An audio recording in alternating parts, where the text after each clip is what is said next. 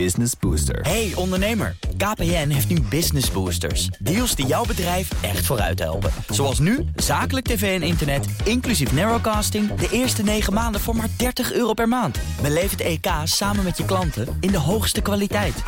Kijk op kpn.com slash businessbooster. Business Booster. De Friday Move wordt mede mogelijk gemaakt door Europarks en TUI. Live happy.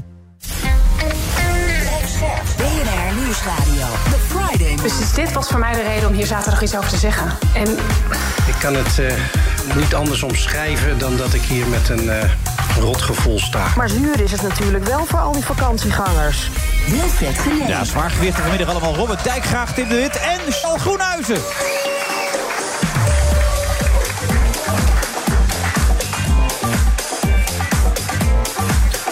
Vanuit een afgeladen Skylounge, dobbeltje bij Hilton Hotel. Maar er zijn nog een paar plaatsjes vrij. Je kunt even donderdag aanschuiven. Tot half zeven kun je langskomen. Als het goed is moet je dan de meest linkerlift pakken om naar boven te kunnen. Die andere die liften, dan, moet je, dan kom je er niet gewoon. Dus de meest linkerlift, als je binnenkomt, kom je in één keer boven. En dan, eh, dan ben je erbij. Hartstikke goed natuurlijk allemaal. Die heb je ook gepakt, toch Charles, als het goed is. hè? Anders, Eh, zeker, stond keurige meneer mij op te wachten. ja, Heel braaf. zo hoort het. Even, ik zei Ja, in mijn ja. aankondiging al. Je, je, je, je je vaker zo of is er, is er iets misgegaan? Nee hoor, er is niks misgegaan. Ik, Nee? Normaal loop ik er altijd zo bij. Je zei net, eh, toen ik hier binnenkwam, ik ken je eh, in drie delen grijs. maar dat is je, sinds mijn bruiloft niet meer gebeurd. Nee, maar altijd net in het pak. Meestal Ja, wel strakker, ja. Ja. Ja. Maar dit weer, hallo, het wordt 30 graden. Ja, maar nu gewoon Colorado. Rocky Mountains, hè? Ja, nee, dat is ook een beetje mijn favoriete staat. Ik had het straks met een van jou- jouw collega's over. Eh, we zijn al twee ontzettende Jim Croce-fans. Dus dat is een beetje in de stemming. Oh, oké. En maakt- en ik mag binnenkort weer Je mag binnenkort naar weer. Colorado. Wanneer? Eh, vanaf half juli maandje met de camper. Oh, wat fijn. Want is eigenlijk ben je toch meer Amerikaan geworden door de jaren heen. Thank God I'm a country boy. Ja, toch? Dat, Ja, is, dat, klopt, wel, toch? Ja. Ja, in mijn hart een beetje wel, ja. Ja. klopt. Ja, het heeft je ooit allemaal ellende opgeleverd natuurlijk bij de NOS. Maar je hebt Nou, ervoor gekozen. En, Ach, en- elke knaal heeft ze voor de meneer. Ja, en, omgekeerd. heb je er ooit spijt van, van dingen in je leven, als je terugkijkt? Oh, dat conflict bij de NRS zou ik nu anders aanpakken. Maar nou ja. Hoe dan? Nou ja, het is uit de hand gelopen toen. En dat hadden we nooit moeten laten gebeuren. Ja, de snabbel Gestapo erbij gehaald en zo. Dat, dat liep een Ja, beetje... ja, het was een flauwe grap. Maar nou ja, kost je je baan. Maar wat, wat zei dat over, over de Charles Groenhuizen van toen dan, destijds? Wat, wat was dat voor iemand dan? Ja, niet echt anders dan nu. En ik deed mijn werk met volle overtuiging. En ik bedoel, het, het leukste baan die er is. Ehm, en ja, ik liep toen, liep toen scheef tegen een hoofddirecteur aan. Ja, We ook allerlei gezinsbelangen met teruggaan uit Amerika naar Nederland. Nou goed, dat, ja. dat gaan we niet je kreeg nog een beetje uitstel. Je mocht er iets blijven hangen. Dan moest je daarna wel terugkomen met het gezin. Ja, nee, dat zou maar ik probeer me gewoon even de persoon voor te stellen. Die je toen was en die je nu bent. Ben je milder geworden? Ben je eh, warmer geworden? Ben je toegankelijker geworden? Nou, ik denk dat ik wel milder geworden ben. Maar dat, dat heeft ook te maken met het onderwerp wat we straks gaan bespreken op het televisieprogramma wat ik nu maak. Ja. Waarbij je heel erg nadenkt over hoe je conflicten oplost. Ten diepste. Eh, mijn tv-serie gaat over eh, gevangenen die met hun slachtoffers of nabestaanden praten. Nou, dat is het ultieme conflict wat je kunt hebben. En als je daar iets kunt oplossen, is dat van geweldig veel waarde. Wat ik niet vergelijk met mijn ruzie toen met die hoofdredacteur. Dat gaat om heel veel fundamentelere dingen. Maar je denkt dan wel na, ik in ieder geval wel, over hoe los je conflicten op in dat soort gevallen. Hmm. Privé of zakelijk. Maar tot dit programma deed je dat niet? Nou, dat weet ik niet. Nee, Nee, dat vraag dus- ik aan je. Daar ben ik heel benieuwd naar. Ja, zo, zo, zo pregnant is. Ik heb het programma wat ik nu maken ben, ik, ben ik ook al 15 jaar bezig, Wilfred. Dus dat- mijn belangstelling voor dat soort dingen, hoe je hele heftige dingen tussen mensen oplost, die is van veel langer geleden. En waarom Dus is dat ontstaan dan? Waar kwam dat uit voort?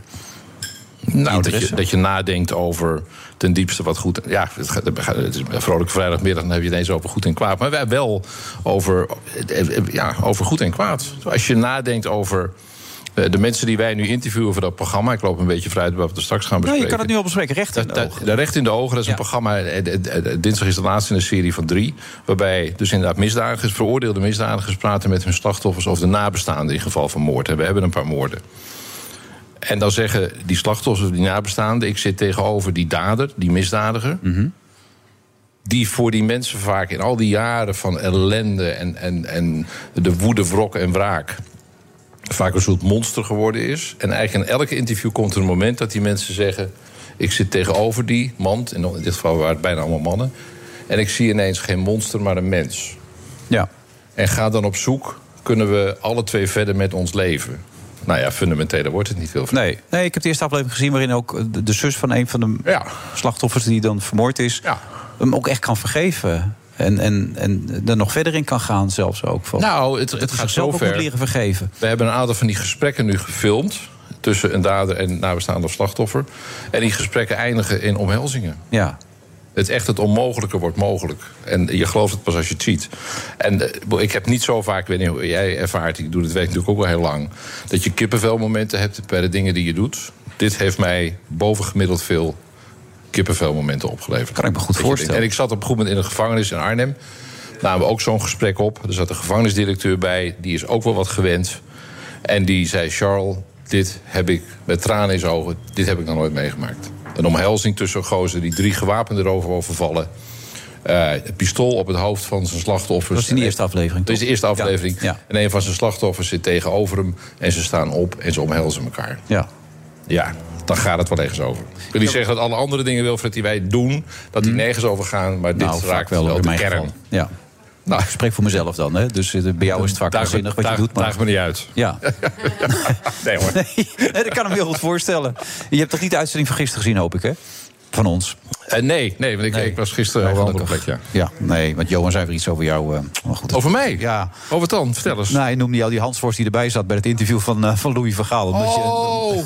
Ja, Maar dat zegt toch meer over hem dan over mij? dat bedoel ik maar. Jij zegt het. Maar ik bedoel, denk, nou, dan heeft Ja, hij kijk, het feit dat ik het niet weet. Ja. En het, het, het is me ook niet geworden. Dus, nou ja. Nee, ja, bij deze. Maar goed, laat lekker gaan. Belangrijk is, eh, dat, dat maakt indruk op jou. Maar 15 jaar geleden is dat ontstaan. En ik probeer me nog steeds af te vragen wat er 15 Nou, jaar geleden met jou gebeurde. Nee, wat er gebeurde was dat ik naar een televisieuitzending van de Amerikaanse televisie zat te kijken. En dat ging over zo'n geval. Dat was een, eh, een, een moord. Hmm. Herstelrecht heet het. Herstelrecht heet Ja, het. dat- Dus je probeert eigenlijk te herstellen wat er is aangericht. Dat lukt nooit helemaal, want een misdrijver richt vreselijke dingen aan. Dat was een uitzending eh, eh, van een zus van een man die een aantal jaren daarvoor vermoord was. De jongen die dat deed was toen 16, die gozer door zijn hoofd geschoten. Levenslang veroordeeld, typisch Amerikaans natuurlijk. En op een goed moment gaat die zus besluiten om met die dader te gaan praten. Ja. En dat gesprek werd gefilmd op de Amerikaanse televisie. Het laatste wat je van die dader gezien had, maar ook die zus was dat mugshot op de avond van de moord. Een jongen met een verwilderde kop, waarschijnlijk nog half onder de alcohol en de pillen. En die wordt gefotografeerd. Je kent die shots van de Amerikaanse eh, politie. En daarna hebben we hem niet meer gezien. Het eerste wat je dan daarna weer ziet, is die man die die kamer in die gevangenis binnenkomt 20 jaar later. eh, in zo'n gevangenispak met een baardje, lichtelijk corpulent. Ik roep een soort eh, eh, bibliothecaris te Scheemda. Echt super brave man. Ja. En die vrouw, die zus, die weigert hem een hand te geven. Toen dacht ik, shit. Je, je wilt met hem praten, maar het eerste wat je dus doet is hem geen hand geven. Ja, geen contact willen maken. Dus ik had eigenlijk binnen 10 seconden lag mijn sympathie bij die man, bij die moordenaar, niet bij die zus. En het gesprek vervolgde. En ik ben er nu weer eens ingedoken, ook naar aanleiding van onze tv-zin. Toen dacht ik, god, hoe zou dat nou met die man eigenlijk gaan? Nu, 15 jaar later. Die zit nog steeds in de gevangenis. En om de zoveel tijd is er een parole hearing. Dus dan kijkt de rechter, moet deze man nog vast blijven zitten? Gaat ook de officier van justitie over. En tot op de dag van vandaag organiseert die familie is dus 35 jaar geleden. Handtekeningenacties, hou hem in de gevangenis. Maar dat gesprek heeft dus ook niets opgeleverd. Het heeft dus helemaal niks, het tegendeel opgeleverd. Ze wou eigenlijk alleen maar zien dat hij het wel flink rot had in die gevangenis. Dus eigenlijk het tegendeel van wat de bedoeling was. En toen dacht ik van shit, hier gaat iets helemaal verkeerd. Ja. Maar er kan ook iets helemaal goed gaan. En toen ben ik pogingen gaan doen om dit programma te maken. En dat is me een keer of tien mislukt. En de elfde keer mede dankzij mijn compaan Simon Fuik. Een van de maatjes van PTR, dat weet Ja. je. Eh, is het gelukt, mede door zijn netwerk. Maar hier pakt het heel anders uit. En wat, wat ik ook in een interview van jou had gelezen... dat je ook zegt, het, het maakt de maatschappij ook veiliger Ja. als dit gebeurt. Nou, als je, het, het, het is moeilijk te bewijzen. Eh, Mensen die nu gaan praten met hun slachtoffers... en op een andere manier de gevangenis uitkomen... dan met gefrustreerd en boos en woedend enzovoort. Ja. enzovoort. Elke gevangene die niet opnieuw in de gevangenis komt... door opnieuw een misdrijf, is voor jou en mij winst. Voor de veiligheid van ons en onze Ja. kinderen en onze vrouwen... en iedereen om ons heen. Maar er is nog een andere. We gaan straks met Robert Dijkgraaf praten over onderwijs. Mhm. Ja. En ik heb dus op zitten zoeken. In het onderwijs geven wij aan kinderen in het basis- en eh, voortgezet onderwijs tussen de 7 en 9, 9.500 euro uit. Ja. Heb je enig idee wat een gevangene in Nederland per jaar kost? Je hebt me net verteld, Ja, want het het weten. Ja. Het tienvoudige. 90.000 euro. 90.000 euro per jaar. Omdat natuurlijk eindeloos beveiliging enzovoort. Ja. Dus als het je lukt om van gevangenen die vrijkomen... de misdaad, het herhalen van misdaad iets terug te dringen... is los van veiligheid en dat het minder ellende oplevert... is ook gewoon voor de staatskas van Robert Dijkgraaf en ons allemaal heel, heel fijn. Dat ga je me nog even vertellen ook, neem ik aan zo meteen. Als het een kans krijgt, zeker. Ja, ja dat weet je bij nooit, bedoel je? Ja, nee, daar heb je ook weer gelijk in natuurlijk. Ja. Nou, we gaan het gewoon proberen. Tot zo. Ik ben Gerrit. Hardlopen, dat is goed voor je. En Nationale Nederlanden helpt je daar graag bij. Bijvoorbeeld met onze digitale NN Running Coach... die antwoord geeft op al je hardloopvragen. Dus, kom ook in beweging. Onze support heb je. Kijk op nn.nl slash hardlopen. Business Booster. Hey ondernemer, KPN heeft nu Business Boosters. Deals die jouw bedrijf echt vooruit helpen. Zoals nu, zakelijk tv en internet, inclusief narrowcasting... de eerste 9 maanden voor maar 30 euro per maand. Beleef het EK samen met je klanten in de hoogste kwaliteit. Kijk op kpn.com slash businessbooster. Business Booster.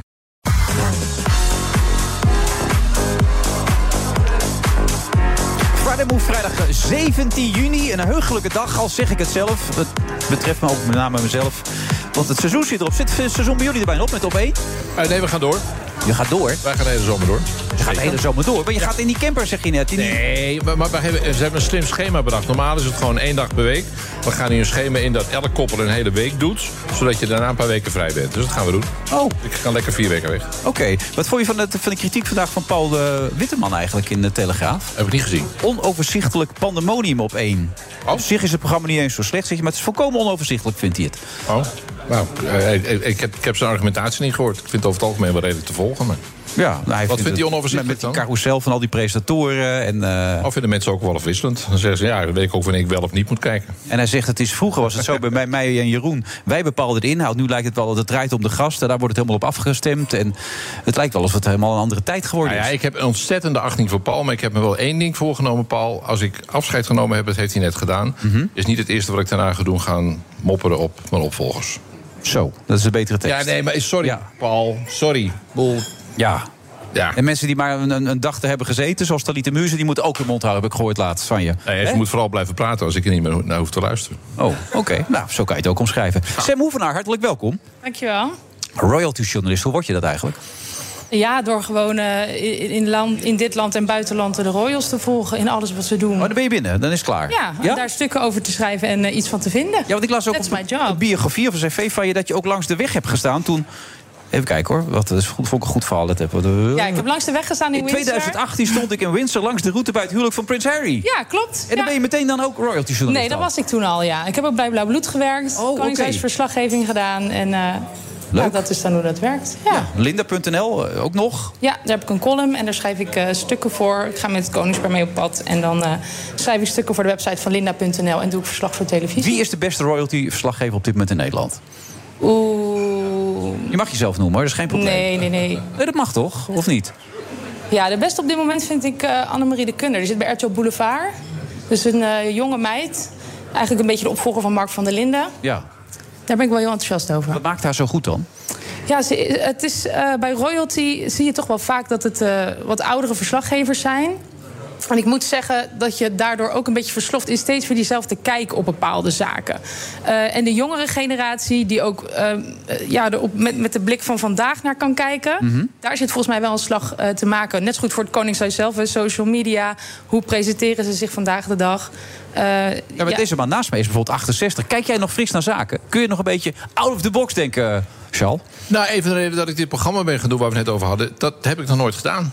Oké. Eh, Een paar jaar geleden heb ik een theaterprogramma gedaan. Heb ik ook nog nooit gedaan. Met ik ben gitaar, eh, jezelf en zingen. En... En ik ben nu liedjes aan het vertalen. Heb ik ook nog nooit eerder gedaan. Ja, maar daar zit het hem in. Verschillende dingen blijven doen. Als je koningshuisverslaggever bent he- je hele leven... op een gegeven moment zitten daar allemaal patronen. Het is toch leuker dan sudokus?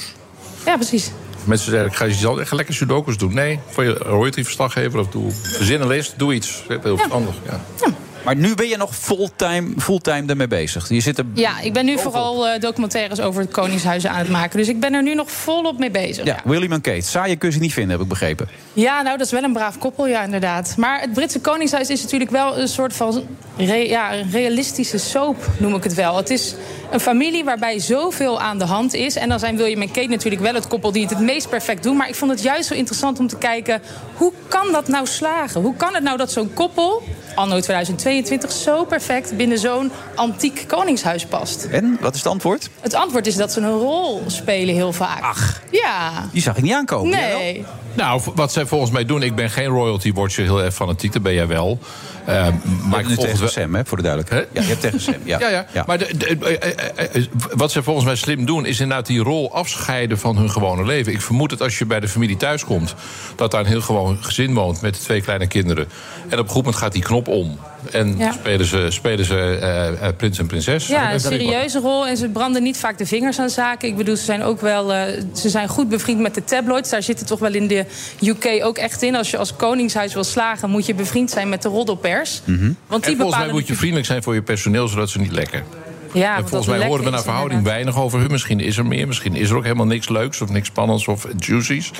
Maar volgens mij als je aardig bent tegen je staf, en dat, dat zijn veel mensen, dat Ja. de kans minder groot is dat ze gaan lopen. Is er ook beter altijd. Ik las nu vandaag weer een stuk in de Volkskrant over Mike Spijkers... die ook uh, klitsglaskander om de oren kreeg omdat Ja, hij nou, dat die, was. die, die is de goodwill wel kwijt, geloof ik daar. Ja. Ja, nee, maar het, het- het is ook beter toch om gewoon een beetje aardig te zijn. Maar je kan toch ook wel eens een keer uit je slof schieten? Ja, dat, is ook gebeurd. Ja, dus dat verhaal zit ook in de documentaire. William heeft juist wel heel veel temperament. En die schiet juist wel af en toe uit zijn slof tegen het personeel. Maar voor de camera's is hij altijd heel aardig en beleefd. En, eh, en lacht hij leuk. En eh daar zit natuurlijk veel meer achter. Maxima Willem-Alexander spelen toch ook gewoon een rol? Ja, uiteindelijk is Die het gaan wel een thuis ook beetje... lekker een sigaretje steken ze op... en dan pakken ze een neut erbij en eh, dan roepen ze wat een gezeik vandaag weer. Wat- Ja, maar die, zijn, die vind ik nog wel iets echter dan het Britse koningshuis. Er zit wel een soort stijfheid over William en Kate heen. Als je ook kijkt naar Harry en Meghan, die waren al heel anders, dicht, wat dichter bij de mensen, wat, wat echter. Eh, dus daar zit wel, William en Kate gaan waarschijnlijk gewoon slagen als koningspaar, omdat ze zo netjes binnen de lijntjes kunnen kleuren. Ja, wat geheim van hun huwelijk eigenlijk? Is er van- passie? Is, er, is er hartstocht? Is er enorme liefde? Nee, nee, eh, Kate, Nee? Kate is het geheim van dat nou huwelijk. Want eh, ja, als jij eh, met een prins trouwt, dan mag je vrijwel helemaal niets meer. Je Nee. mag geen mening hebben. Je dagen worden voor je ingedeeld.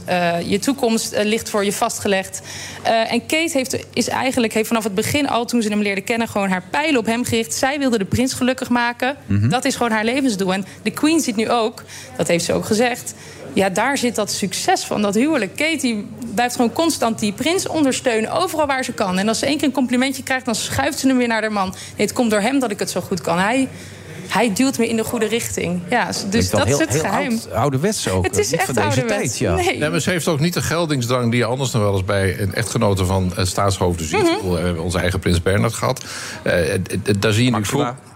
Ja, maar Maxima is ook zeer dienend, ook met haar eigen geluid en met haar eigen activiteiten. Ja, maar die wilde wel koningin zijn, toch? Officieel ook, toch? Wel, maar die, die, die, die eh, steekt hem niet naar de kroon in de zin van sloot hem niet in de weg. Nee. En, en Nee. klaagt Zij niet stelt over. er altijd de klaagt- show als ze binnenkomen. Ja, van- als Er vanzelf. komt zo'n zo'n ja, Ja. man met dat boerenhondenhaar komt binnen... en er komt een hele mooie vrouw binnen. Ja, daar mag hij een ook blij mee zijn, denk ik, Willem-Alexander, dat hij zo'n vrouw Maar heeft. Kate eh. klaagt niet over haar rol. Nee, absoluut, Absoluut niet. niet. En Meghan Dus- had het in die zin nooit gekund. Dus het, Nee, je moet echt het type vrouw ervoor zijn om dan ook die... eh, En ik denk dat die uniek te vinden is in deze tijd. eh. Maar haar moeder speelde er ook een belangrijke Ja, rol, toch? ja, haar moeder, dat is iets waar ik voor de docu ook echt ingedoken ben. Haar moeder heeft eigenlijk ervoor gezorgd dat ze de prins zou ontmoeten. Want Kate had al een plekje om te gaan studeren in Edinburgh. Daar had ze zelfs al een appartement, vriendinnen gemaakt. En toen werd in de media bekend, de prins gaat studeren op St. Andrews. En toen is zij van die school gehaald. Oh. En met heel veel moeite naar die andere school verplaatst. Want daar kwam je niet zo laat eigenlijk meer binnen. Dus die moeder heeft er eigenlijk Dat is een een heleboel aan gedaan. Dat is gewoon een stratege erachter. Ja, kijk, en de liefde kan je natuurlijk niet dwingen. Hè. Die twee zijn wel echt verliefd op elkaar geworden. Oh, dat denk je wel. Ja, dat geloof ik wel. Ik geloof wel dat Dat was op een zij... gegeven moment eh, even uit ook, toch? ja, ja, want ja, je moet wel eh, nageven natuurlijk. Kate is heel erg mooi. Een hele leuke vrouw waarschijnlijk. Ja. Maar niet zo heel spannend, denk ik. Nee, maar Op een gegeven moment moet je dan gaan kiezen als prins van...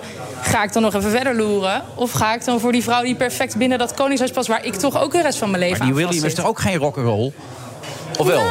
Kijk, die Harry, daar hebben we wel een beeld van. Dat is een eh, ondeugende... Ja, maar je kan ook geen rock'n'roll zijn als je troonopvolger Ja, bent. dat snap ik wel. Maar je bent, toch, je Onmogelijk. bent toch ook iemand? Je bent toch ook een persoon? Je, je, je kan het toch van... We hadden hier vorige week een actrice die zei... ieder mens heeft een beest in zich. Heb je ook een beest in je?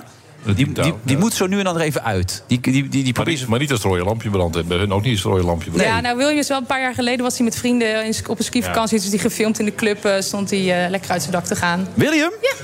Ja, echt waar? Ja, zeker. Weten, dit filmpje bestaat. Oh, Ja. je zit er goed in trouwens, Sam. Hè? Ja. Waar kunnen we trouwens die documentaire bekijken voordat we het helemaal vergeten? Die kan je maandagavond bekijken om half negen op net vijf. Oh, ik ben heel benieuwd. Hij is van Talpa. Ja. Dat, toevallig, hè? Ja, dat, dat gebeurt. Even de, de, de affiniteit met het volk. Voel ik niet altijd als ik er naar zit te kijken. Bij de Britse Royals bedoel je? Ja, dat, dat- zeker bij dit stel niet. Of nee, dat- dat klopt. Dat, daar zit wel ook een, eh, nog iets wat voor hen te halen valt, denk ik. Ze waren, vorige maand zijn ze op een eh, Caribische tour geweest... langs wat eh, landen binnen het gemeenebest van, eh, van de UK. En dan blijkt er ook wel dat ze nog echt binnen die lijn van de Queen bewegen... terwijl ze dan nu 40 zijn. Eh laat zich op een Land Rover, open Land Rover rondrijden in wit eh, uniform. Een heel ouderwets plaatje. Eh, ze hebben bijvoorbeeld, er waren wat protesten tegen het Koningshuis... ook in verschillende landen die ze gingen bezoeken. En in plaats van dan daarheen te gaan en in gesprek te gaan met die mensen... hebben ze dat dan dus afgezegd. Dus ze staan nog niet echt lekker tussen de mensen. Ze proberen nog een beetje de Queen na te doen in een bepaalde afstand. Maar dat gaan we op een gegeven moment van jonge mensen ook niet meer echt pikken, denk ik. Dus daar valt een slag voor ze te maken. Nou, duidelijke taal. Je gaat ook eens eentje over Amalia maken, klopt Die dat? heb ik al gemaakt. Oh, die heb je al gemaakt? Ja, die is in december op, op tv geweest toen ze jij die 18 is geworden. Heb ik niet gezien. Heb jij die gemaakt? Ik heb die gemaakt, ja. Wat goed. Ja. Ja, ik heb hem niet gezien, maar het is wel goed Helaas, ik stuur maar je door. Ja. Dat, was, weer- dat staat weer los van het interview dat Sophie, eh, Claudia de Brij had tekent, toch? Ja, dat was voor het boek wat ze, Oh, wat ja. ze heeft gemaakt. En vanavond is een grote avond voor Amalia. Ik weet niet of je dat hebt meegekregen. Ik heb het even gemist. Voor Amalia is vanavond voor het eerst op een koninklijk gala in Noorwegen. De pr- prinses van Noorwegen wordt 18. Amalia is de gast in een galajurk met een tiara op. Dus voor eh, royalty-liefhebbers is dat eh, een big moment. Ja, je kijkt ernaar uit, zie ik. Ja, zeker. Ja, ik vind dat leuk. Ik Ja. geniet daarvan. En hoe lang ga je dit doen? Want je zegt je moet op een gegeven Ja, moment nee, moet je dus dit moet ik niet zo lang meer doen. Maar ik vind, ik vind dat docus maken is nu iets nieuws. Ik deed eerst dagelijks live de verslaggeving. En nu ben ik meer de lange docus aan het maken. Dat vind ik leuk. Maar op een gegeven moment moet ik ook wel... Ja, eh, nieuwe stap maken. Ja, joh. Het is Net zoals Charles. Die Ja. van, speel je gitaar? ik speel geen gitaar, Je speelt helaas. geen gitaar? Nee, ja. Dus dan moet ik toch verder zoeken. Zijn er andere dingen die je hoofd hebt zitten... waarvan je denkt, dat ga ik nog eens doen? Nou, ik, misschien is... eh, ik vind televisie maken heel leuk. Maar misschien is een ander onderwerp. Maar goed. Daar heb ik nog, geen, eh, daar heb ik nog niet zo heel, heel veel ideeën bij. Oké, nou. nu zit ik te veel met mijn hoofd in het Koningshuis. De documentaire William Kate vanavond dus om, eh, maandag moet ik zeggen... op 20 juni, half negen, net vijf. Half negen, oh nee, we zijn gestopt. Je hebt alle tijd op de, dat is helemaal goed. Half negen bij net vijf. Succes, Sam. Ja, dankjewel. Goed dat je er was. Ja, leuk dat ik mocht komen. Ja. Thank you. Business Booster. Hey ondernemer, KPN heeft nu Business Boosters. Deals die jouw bedrijf echt vooruit helpen. Zoals nu, zakelijk tv en internet, inclusief narrowcasting... de eerste 9 maanden voor maar 30 euro per maand. Beleef het EK samen met je klanten in de hoogste kwaliteit. Kijk op kpn.com slash businessbooster. Business Booster. Hardlopen, dat is goed voor je. En Nationale Nederlanden helpt je daar graag bij. Bijvoorbeeld met onze digitale NN Running Coach... die antwoord geeft op al je hardloopvragen. Dus, kom ook in beweging. Onze support heb je. Kijk op nn.nl slash hardlopen. De Friday Move wordt mede mogelijk gemaakt door TUI en Europarks. Europarks, je perfecte vakantie of je eigen tweede huis. BNR Nieuwsradio.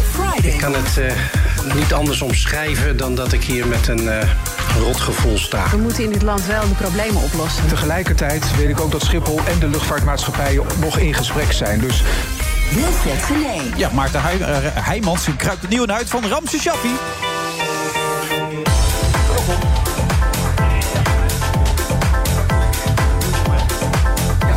Ondertussen was Bernard Hammelburg druk in gesprek met Charles Groenhuis. Ja, jullie kennen elkaar 50, 60, 70 jaar, denk ik. Ik zat met microfoon doen dan. Ja, We hadden het ook over die serie. En, en Bernard en ik hebben natuurlijk heel lang verslag in Amerika gedaan. En deelde eigenlijk de ervaring hoe ingrijpend het is als je, zoals wij regelmatig, of regelmatig, maar toch een aantal keren daar gevangenissen bezoekt. Dat vormt je en heeft in ieder geval mijn denken ook wel beïnvloed over dit soort dingen. Maar het is toch niet vergelijkbaar met Nederland?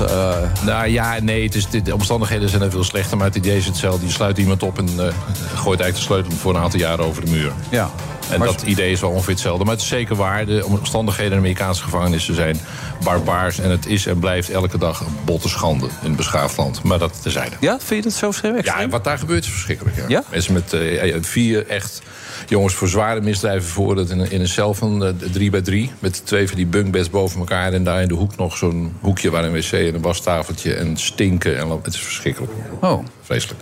Ja, het is dus net als in de film, zoals je het eh, beschrijft. Het Ja, als je al niet een ontzettende slechterik bent, dan word je het daar. Oké. Resocialisatie, dat zit er helemaal niet meer in. in dat soort... Het heet een correctional facility, maar het tegendeel is het geval. Jouw favoriete nummer van Ramses Shaffi? Oh ja, pastorale. Ja, pastorale? Ja. Waarom? Nou ja, omdat het zo ontzettend... Ja, ook bij die tijd. Het is van hoeveel jaar geleden, Maarten? Je weet het Eh, 60 ergens. Ja. 60? Echt waar? Oh, ik denk, denk, zo denk ik ergens in de jaren 70. Ja, daar, heb je het. Maar het is, het is, ja, het is zo'n iconisch nummer. Eh, en ja, het, het is, dan ben ik terug in mijn dorp in Friesland, jeugd, katholieke verleden. Ja, dat is Ramse Shaffi voor mij het wel. Nee, klaar. Ramse Shaffi, het tegendeel van het allemaal is. Maar goed. Wat, wat, wat was Ramse Shaffi dan? Ja, ook wel wilde jongen natuurlijk. Ook wel je droom. Je kon van ongeveer vermoeden wat voor leven hij leidde. En dan dacht je van, ja, dat is misschien niet verstandig... maar het is ook wel lekker misschien soms. Ja, Maarten Heijmans, jij kan er alles over vertellen. Hoi. Je hebt hem vaker gespeeld natuurlijk. Het heeft je prijs opgeleverd. Ja. Uh, wat, wat, wat, was het voor jongen, voor de mensen die hem eventueel niet gekend hebben? Oh ja. Zeker de jongere um, generatie. Ja, het was, het was, nou, het was heel veel. Zo, zowel op persoonlijk uh, gebied was het iemand die heel erg uh, het, het, ja, het burgerlijke, conservatieve uh, naoorlogs, naoorlogs Nederland opschudde. Met een nieuwe beweging, lossere seksuele moraal, expressie, artistieke expressie. Uh, uh, kunst die zeg maar on-Nederlands was in het land brengen. Maar ja, en voor, voor, voor zijn vrienden werd hij, hij werd de, de koning van Amsterdam genoemd. Iedereen liep achter hem aan. Hij was gewoon een icoon. En dan landelijk ook voor mensen die hem niet kenden. Maar de artiest Ramse Shaf kende. Heeft Over een beetje een soort nachtburgemeester, toch? Dat was ja, wel. ja, eigenlijk wel. Ja, ja, ja zeker. Heeft, heeft heel veel uh, teweeggebracht. Ja. Toch dat laatste, wat mij bij verstaat, is... het had ook iets neus. De laatste jaren. Tenminste, dat staat aan mij weer bij. Dat is volgens mij uit vrij akelig aan zijn eind. Of dat de laatste ja. jaren waren heel slecht. Dat Borsakov nou, volgens mij ook door de alcohol. Zo. Ja, maar ik, ik, ik heb dat zelf nooit zo ervaren als zo sneu. Ik denk meer van ja, wat wil je, weet je wel, met zo'n leven? Dat zijn gewoon de, ja, de, de beide kanten van de, van de medaille. En um, naar mijn weten, en als ik, als ik luister naar de vrienden met wie ik heb gesproken van hem, mensen die dicht bij hem stonden, waar die laatste jaren, kijk, ja, we worden allemaal oud. Als je ja. leven zuipt, uh, ja, dan kan je Korsakoff krijgen. Maar dat, dat heeft hij wel op een hele edele wijze nog gedragen. Hij heeft volgens mij geen ongelukkige laatste jaar gehad. Nee. nee. Hoe leef jij? Hoe ik leef? Ja? niet, niet zoals nee? Ramses, nee. Een stukje gezonder. En, uh... Wel een stukje gezonder, ja. Ja? Ja, ja, ja. Zou je het willen? Um, ja Trekt en nee, het? op sommige momenten wel. Ik bedoel, hij, hij ging natuurlijk in alles heel diep. Zowel in de, in, de, in, de, in, in de duisternis als in de lichtheid, als in het opgewekte. Dus ik, ik, ik ga niet zo diep in beide richtingen. Maar dat, dat heeft zo wel zijn voordelen soms. Ik denk dat, we daar, ik denk dat hij daarom ook zo populair was. Dat mensen, mensen hebben toch andere mensen vaak op een voetstuk staan... die dingen doen die ze eigenlijk zelf zouden willen doen, maar niet durven. Of daar zijn ze te ja, professioneel ongekend, voor. Ongekende talent. Om een van zijn talenten was een talent voor destructief gedrag. Maar dat is ook een deel van de attractie dan. Het was ja, zo Dat zie je toch vaak extreem mensen op- met, met grote talenten? Ja, nee, dat, ja, tuurlijk. Of ja, tuurlijk, want ja. Je, je moet ver durven gaan. Dus ook. En dat kan je niet alleen maar doen, denk ik, op de gebieden die, die, die uh, voor je werk of succes opleveren. Maar dat, dat gaat, dan, ja, gaat dan ook de andere kant op, denk ik. Hoe ver ga jij in je werk dan en in alles wat je wil bereiken? Um, ik zou altijd wel. Uh, ik heb wel mijn reserves als mens. Ja, ik zou, altijd, ik, ik, ik zou wel verder willen uh, en, en, en willen durven gaan. Maar, maar wat weerhoudt je dan? Ja, uh, ja, wat weerhoudt je? Angst, uh, onzekerheden, uh, luiheid. het soms ook wel prima vinden. Ik denk dat ik ook niet zo. Uh, Ramses heeft in zijn jeugd ook heel veel beschadigingen opgelopen. En ik, dat zie je ook vaak bij grote artiesten. Die hebben toch een, vaak een flinke beschadiging op hun ziel. Ik heb je hebt een goede jeugd gehad. Ja, Leuk, gezellig. Ja, zeker. Leuke ouders, leuke, leuke opvoeding. Ouders, leuke opvoeding, niks aan de hand. Geen, geen litteken opgelopen eigenlijk? Nee, we lopen allemaal littekens op ja? natuurlijk. Maar die zijn dan weer anders van aard. Ik heb met, met dat soort littekens, zeg maar grote littekens... dan gaat het echt over, over afwezige ouders... of uh, gewelddadig milieu waar je Hmm. mm. opgroeit, dat soort dingen. Maar we, we kennen natuurlijk allemaal onze littekens... en die zijn Um, die zijn dan voor jou ook heel groot. Weet je, als, als jouw ergste ding is dat je, weet ik veel, bent, bent afgewezen door je jeugdliefde, dan is dat jouw grote verdriet en dan heeft dat ook bestaansrecht. Wat is jouw grootste litteken dan, uh, Charles?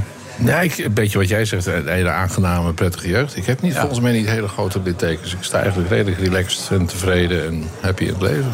Nee, ik, ik zou Nee, geen groot litteken. Niet meeslepende grote verhalen eigenlijk, als je het zo bekijkt. Nee, ik ga geen boek over mezelf schrijven als ik er ooit nog met mijn werk stop. Nee, je hebt druk genoeg allemaal. En, en die, die Ramses, die, die laat jou niet los. Dat is iets wat steeds weer terugkomt, zeg maar. Ja, ja, ja, ja klaarblijkelijk. Ja, ja. ja ik heb, uh, het is nu alweer negen, acht jaar geleden kwam eh, die serie Ramses uit, waar ik hem mocht spelen. En, ehm, en dat heeft me inderdaad niet losgelaten. ehm, de, de muziek voornamelijk van hem. En ik ben dus. ehm, ik eh, werd op een gegeven moment door het filmfestival uitgenodigd of ik een optreden wilde doen. En zeiden ze als Ramses Shaffi. Toen was die serie net uitgekomen. En toen dacht ik, dat is niet zo'n goed idee. Want ik heb eigenlijk alles al als Ramses, voor, ja, voor zover je dat kan zeggen, gezegd met die serie. Dus als ik nu ook nog eens op een podium met zo'n jazzcombootje zijn repertoire ga doen, dan ja, dat is, toch, dat is toch nooit zo goed. Dus dat is een beetje, dat moet je, daar moet je gewoon niet aan beginnen. Maar toen dacht ik wel, ik heb wel heel veel ideeën hoe ik die nummers zou kunnen eh, herarrangeren. Dus ik zou hele nieuwe versies van zijn nummers kunnen maken. En dan het meer als mezelf, zeg maar. Ja. Ehm, dus een hele nieuwe draai daar geven. Dus toen hebben we dat, eh, dat is toen begonnen. Dat is alweer zeven jaar geleden. En eh, vlak voor COVID hebben we een eh, album ervan gemaakt. Toen wilden we op tour, grote albumtour. Ja, dat kon niet. Kon allemaal niet. Nee. Dus nu eindelijk is hier die... eh, Mensen kunnen nu gewoon weer gaan kijken naar jou, ja, toch? zeker. Ja, we stonden vorige week, vorige week in Utrecht, Tivoli. Afgelopen week in Paradiso, Amsterdam. Gisteren kwamen we uit... kom vannacht terug uit Nijmegen. En, en wat is het grootste verschil dan met het, het oorspronkelijke arrangement en wat jij nu doet dan? Wat, waar moeten mensen aan denken dan? Ja, dat is... Het is mm, Laten we jouw, jouw favoriet is Laatme, begrijp ik? eh, niet per se een favoriet, maar die geeft wel een goed beeld van de verandering. En liefst nog langer,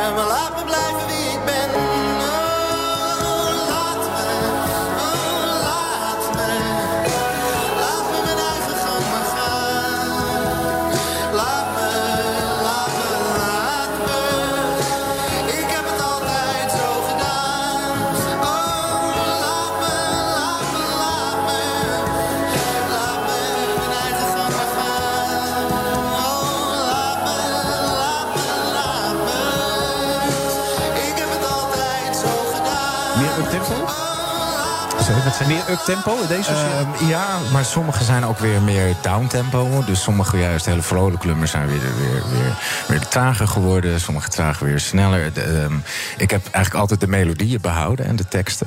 Maar de arrangementen eromheen zijn eigenlijk veel meer naar mijn eigen muzieksmaak eh, eh, gegaan. Dus ik hou erg van Radiohead, van Beirut, Rufus Wainwright, Nina Simone. Maar ook heel moderne eh, James Blake. Dus het is wat... Jim Croce is toch, eh, of niet? Wie? Nee, Jim Croce met Time is in the Bottle. Dat schijn, dat schijn je ook geweldig te vinden. Oh, dit is jouw favoriete nummer. Ik denk al, wat vreemd. Ik zag iets in het, in het draaiboek staan. Waarom? Komt straks. Ja, dat is ongeveer het ultieme... eh, het, bedoel, Als ik de tijd kon Ik bewaren... ken het niet eens. Ik ken het ook niet namelijk. Maar Nee, met de bollen ken je niet? Dan moet je een heropvoeding ondergaan. Ja. Maar het is in het volgende onderwerp, ja. Oh, oké. Sorry hoor, ik dacht dat het wel weer over jou ging. Maar... Geef niet, nee, dat eh, Nee. is een beetje door elkaar. Maar je hebt er ook nog een Jim Croce vast dat toch? Ja. Wat zeg je? Je kent Jim Croce. Ja, ik her, de naam zijn me niks, maar nu herken ik het wel. Maar het, het is dus qua een beetje eh, gegaan naar mijn eigen muzieksmaak. Ehm, dus er zitten veel meer synthesizers, veel meer gelaagde koortjes in. Ik hou erg van koorzang en a cappella zang. Eh, dus het is eigenlijk... Kijk, wat ik heel erg mooi vind aan eh, waarom ik zoveel van jazz hou en de Amerikaanse muziektraditie, is dat hun classics die blijven in leven worden gehouden. Weet Ja. je wel, van Fly Me to the Moon heb je 2000 versies. Ja. Er wordt helemaal niet eh, raar over gedaan dat, dat een nieuwe artiest zo'n nummer steeds Eigen relevant geeft, Ja, ja. en we- dat hebben wij in Nederland eigenlijk niet. En dat vind ik zo doodzonde. Weet je, je hebt, je hebt, je hebt 250 nummers van Shaffi. Je hebt Harry Banning, eh, Maarten van Roosendaal. Waarom zou dat niet kunnen? Eh, ik, en, en elke keer krijgt het weer een nieuwe laag erbij. Ik- ik, ik Eigenlijk denk het, het- zou je beter in Amerika aan het werk kunnen gaan. Niet helemaal geluk, begreep ik. Maar je hebt het wel geprobeerd, toch? Eh, ja, ik ben daar wel een paar Emmy weken- gewonnen, die gozer gewoon. Ja. Ik, ik ben daar een paar weken geweest in Hollywood. Eh, Want dan win je zo'n Emmy. En, dan, en dus dan kan je met eh, agenten daar praten. Of Ja. producenten. Ehm, maar dat, dat is erg moeilijk om daar tussen te komen natuurlijk. Ja, Charles misschien moeten bellen. Die heeft zoveel contacten daar. Ja, maar niet in Hollywood. Nee? En niet veel, nee. Oké. Nee. Maar is het een gemis? Of zeg je nou, nee, ik heb het geprobeerd. Het mis zat er niet in. Dit was Het is, het is geen gemis. eh, maar het is natuurlijk altijd leuk als dat kan gebeuren. Ja. Kun je nog loskomen van Ramses? Ehm, Ja, ik, ik voel mezelf eigenlijk al wel los hoor van Hamsters. Maar het is gewoon een hele grote liefde. En het is, het is heel mooi materiaal. Ehm, het, is, het is steeds weer tof om ermee te werken. Eh, elk concert weer ontdekken we weer iets nieuws aan die nummers. En ehm, ja, het is, het is gewoon ontzettend goed ma- materiaal... waarvan ik hoop dat we het niet vergeten. Nee. Kijk, de meeste mensen kennen eigenlijk maar vaak vier Shaffi-liedjes. Weet je wel, we zullen doorgaan, Zing, Vecht, eh, Sammy.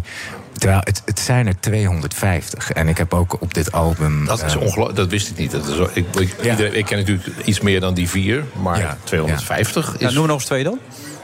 Eh, ja, pastorale hadden we. Eh,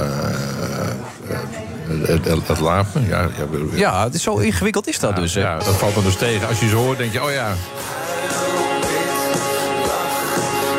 Deze ken ik niet. Ja, dit is de versie van jou toch, deze die we nu horen? Oh, dan hoor ik hem, ja, ja, ja.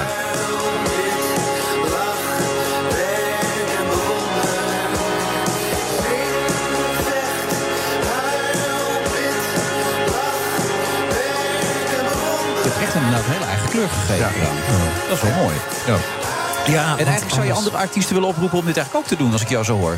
Nou, eh, eh, Om de erfenis van Shaffi. Niet, niet per se van Shaffi, maar... Niet nu ehm, trouwens, ik wacht tot jij klaar bent. Maar daarna. Dan pas. Nee, ja, heel belangrijk. Maar joh, als je het wil maken, doe het. Nee, het gaat, het gaat ook niet per definitie over Shaffi, maar meer over... Ik vind het wel mooi als, als onze Nederlandse muziekcultuur ehm, in ere wordt gehouden, weet je wel. Vooral dingen van, van lang geleden zit zoveel goed bij. Ja. Maar kan het, mag het altijd? Mag, mag je bijvoorbeeld iets vergelijkbaars doen met bijvoorbeeld het werk van, noem eens dat, Boudewijn de Groot?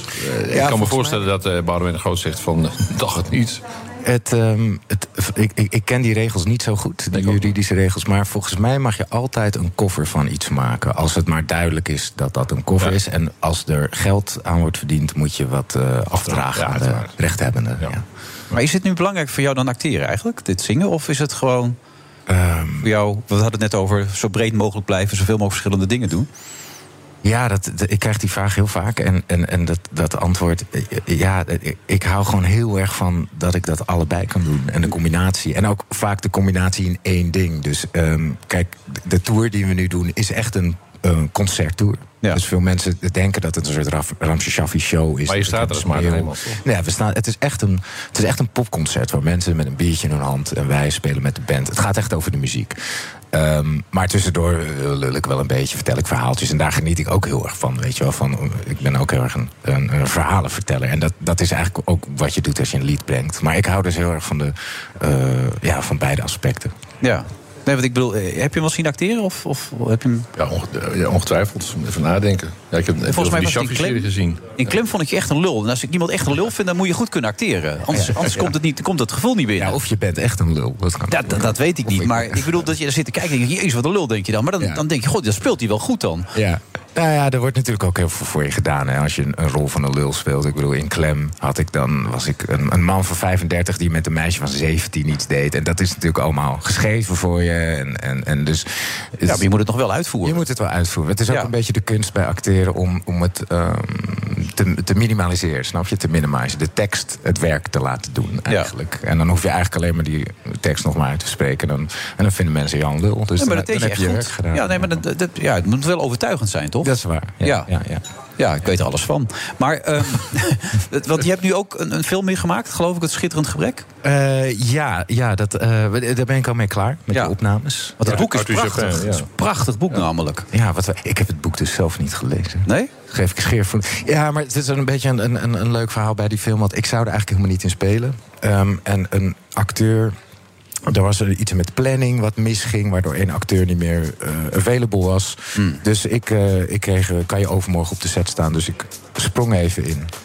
Wow. Voor die film. Ja. Maar dan, dan ga je dus niet als een gek. Dat, ik kan me voorstellen dat je dan toch de, ja, de sfeer van zo'n boek wil pakken. En, en twee nachten doorleest en dan heb je het gelezen. Nee, op dat moment eh, hou ik me dan liever bezig met het script. Weet je, dat is weer een, weer Ja, een ja. eigen ding. En dan probeer ik gewoon hetgene wat ik moet doen zo goed mogelijk. Eh, komt die binnenkort uit, die film dan? Ik heb geen idee. Je hebt geen idee, je hebt er geen gespeeld. Nee, maar ik weet nooit wanneer het uitkomt. Omdat ik het boek echt zo geweldig vind, dat ik die film graag zien. Ja.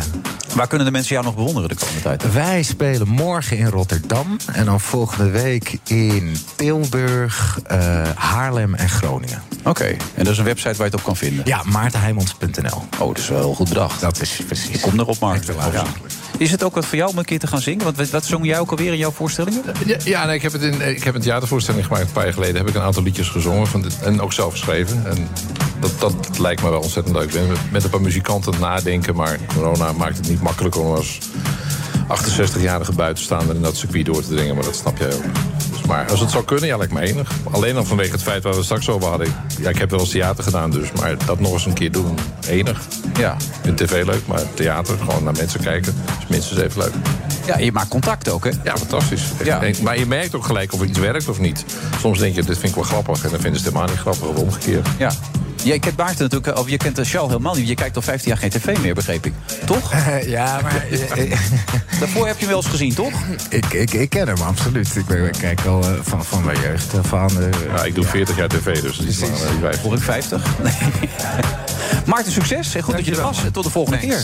Ja. Goed luck. Dankjewel. Hardlopen, dat is goed voor je. En Nationale Nederlanden helpt je daar graag bij. Bijvoorbeeld met onze digitale NN Running Coach... die antwoord geeft op al je hardloopvragen. Dus, kom ook in beweging. Onze support heb je. Kijk op nn.nl slash hardlopen. Business Booster. Hey ondernemer, KPN heeft nu Business Boosters. Deals die jouw bedrijf echt vooruit helpen. Zoals nu, zakelijk tv en internet, inclusief narrowcasting... de eerste 9 maanden voor maar 30 euro per maand. Beleef het EK samen met je klanten in de hoogste kwaliteit. Kijk op kpn.com slash businessbooster. Business Booster. De Friday Move wordt mede mogelijk gemaakt door Europarks en TUI. Live happy. BNR Nieuwsradio. The Friday. Dus dit was voor mij de reden om hier zaterdag iets over te zeggen. En Ik kan het eh, niet anders omschrijven dan dat ik hier met een rotgevoel sta. Maar zuur is het natuurlijk wel voor al die vakantiegangers. Wilfred. Een man die positivo is en vol dromen zit. Charles Groenhuizen.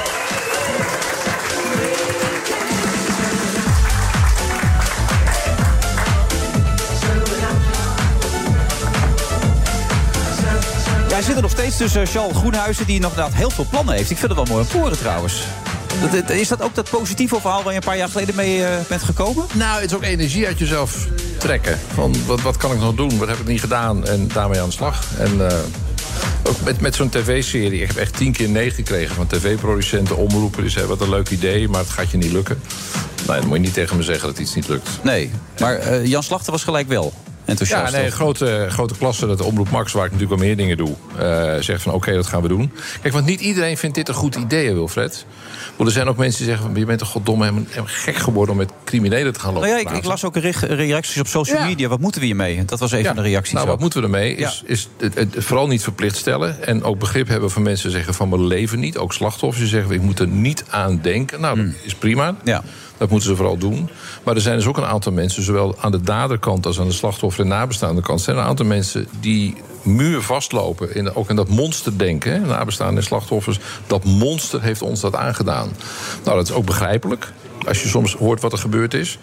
Maar het helpt je niet echt verder.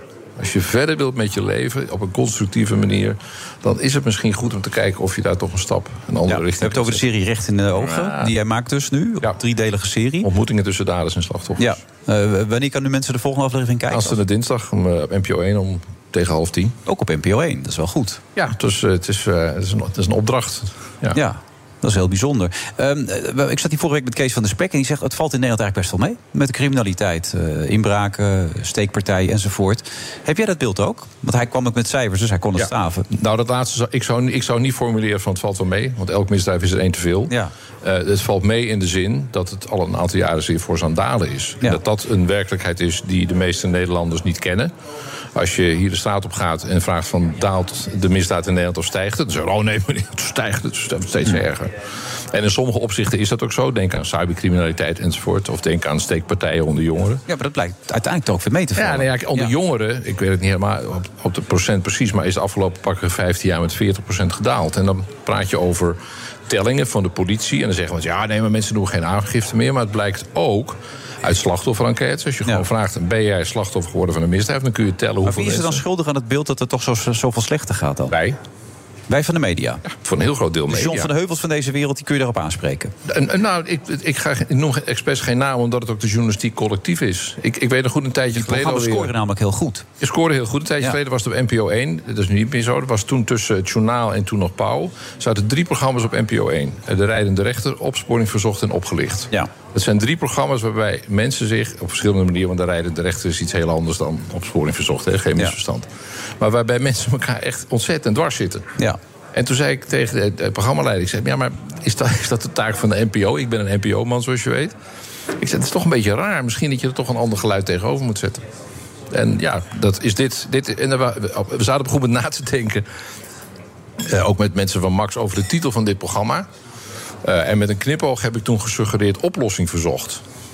Nou, uiteraard hebben wij al 50 jaar het programma Opsporing verzocht.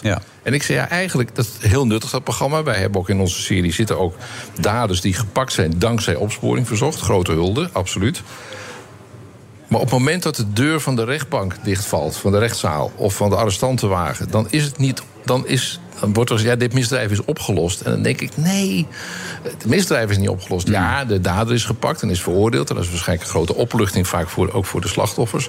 Maar het is natuurlijk niet op, opgelost. Dus daarom had ik bedacht oplossing verzocht. Maar dat heeft het omroeppolitiek niet gehaald. Nee, begrijp je. Maar gelet, op, maar. gelet op de cijfers is de verharding aan het afnemen. Gevoelsmatig neemt de verharding en de polarisatie alleen maar toe. Ja, in een aantal opzichten is het ook zo. Denk ik ook aan de politiek. Mensen kijken nu naar een aantal dingen tegelijk naar de politiek. We gaan het er straks met Bernard over hebben. Ne- Neemt die verharding toe? Eh, neemt de intolerantie toe? Er zijn ook een aantal partijen die nu heel groot zijn in de peilingen. eh, die, die ik buitengewoon intolerant vind. Dus het is ook wel een beetje het totale beeld. Dus je moet het ook niet wegschuiven. Daarom de formulering: het valt wel mee, zou ik nooit overnemen. Want elk misdrijf is er één te veel.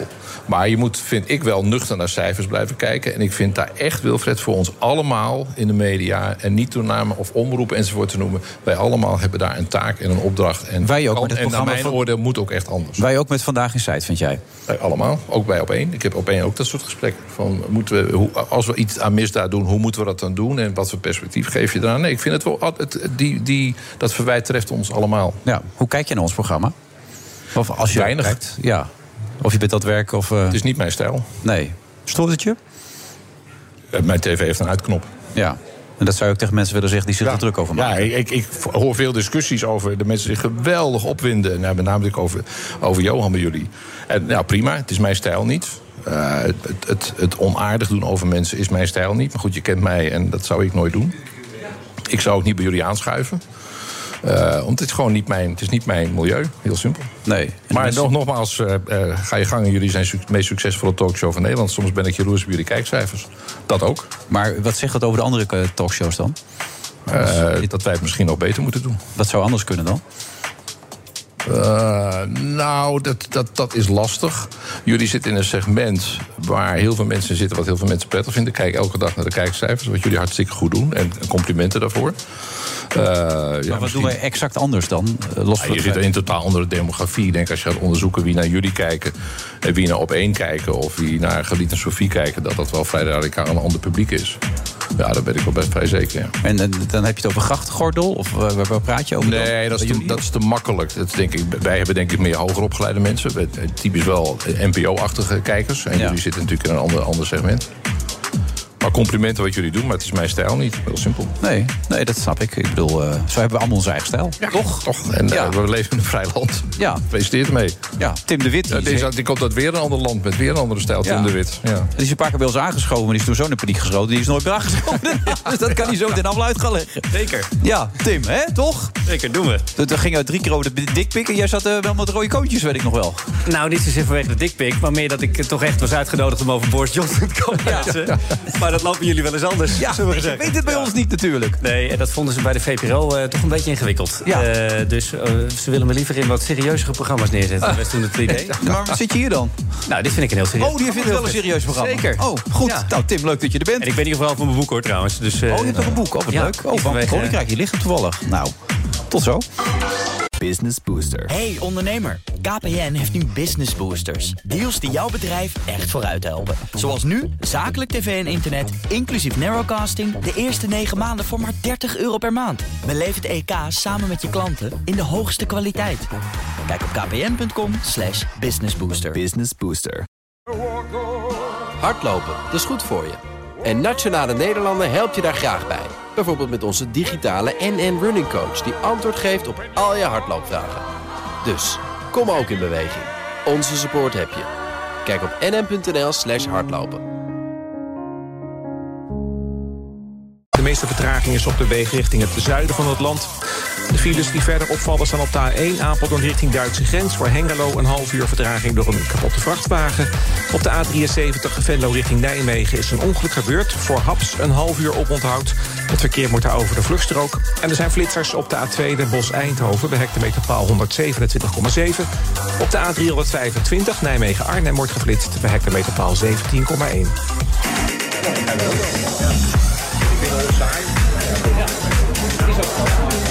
Nou ja, kun je vinden. Friday Move, vrijdag 17 juni. Heugelijke dag, zeker weten. Vanavond dus de laatste. En eh, als het dan Charles ligt, eh, zou het wel eens de allerlaatste mogen zijn. Maar dat geheel terzijde. Eh Tim de Wit, goed dat je er bent. Dankjewel. Eh dus jij komt niet meer. Jij gaat niet meer bij ons aanschuiven, begrijp ik. Oh nee, het zegt nooit nooit Wilfred, helemaal niet. Nee hoor, dus daar gaan we het gerust nog een keer over hebben. Maak je geen zorgen. Oké. Ja. Banco Koninkrijk. Ik las trouwens een smeuig interview met jou in de, in de Volkskrant. Ja, dat staat er vandaag in, ja. Met ene Victoria. God, ja, jij begint er ook al over. Ja, Ja, dat is, ik heb het heb je- interview gelezen toevallig, Charles, of niet? Nee, ik heb het fragment gelezen. Ja, ik bedoel, het gaat dan een beetje over hoe je dat hebt beleefd allemaal. En dan gaat het over een Tinder-date met Victoria... die zo dronken was dat ze echt niet meer wist wat ze deed. Nee, ja, dat was mijn eerste ervaring met eh, de Britse vrouw. Ja. En eh, dat was even een scho- scho- schokkerende ervaring, moet ik zeggen.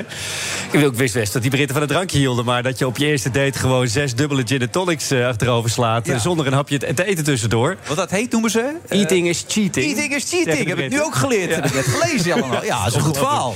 En ik kon, er geen land meer met die vrouw te bezeilen. Nee, want je Eh, wilde dat netjes in een taxi doen en naar huis laten brengen. En toen zei Ja. ze, nee, ik noem maar de rest niet. Ik wil met jou mee. Exact. Ja. maar gentleman als hij is, daar zit hij. Er is niks gebeurd. Nee, zeker niet. Nee, ik heb geen kaars uit de kast gehaald. eh ik zal verder geen Oh, doen, maar- kijk! Nou ja, ik maak hem niet eens, zeg. Maar, eh, je, hebt daarna, Die had je, voor- die had je voorbereid, hè? ja. maar je hebt daarna Victoria nooit meer gesproken.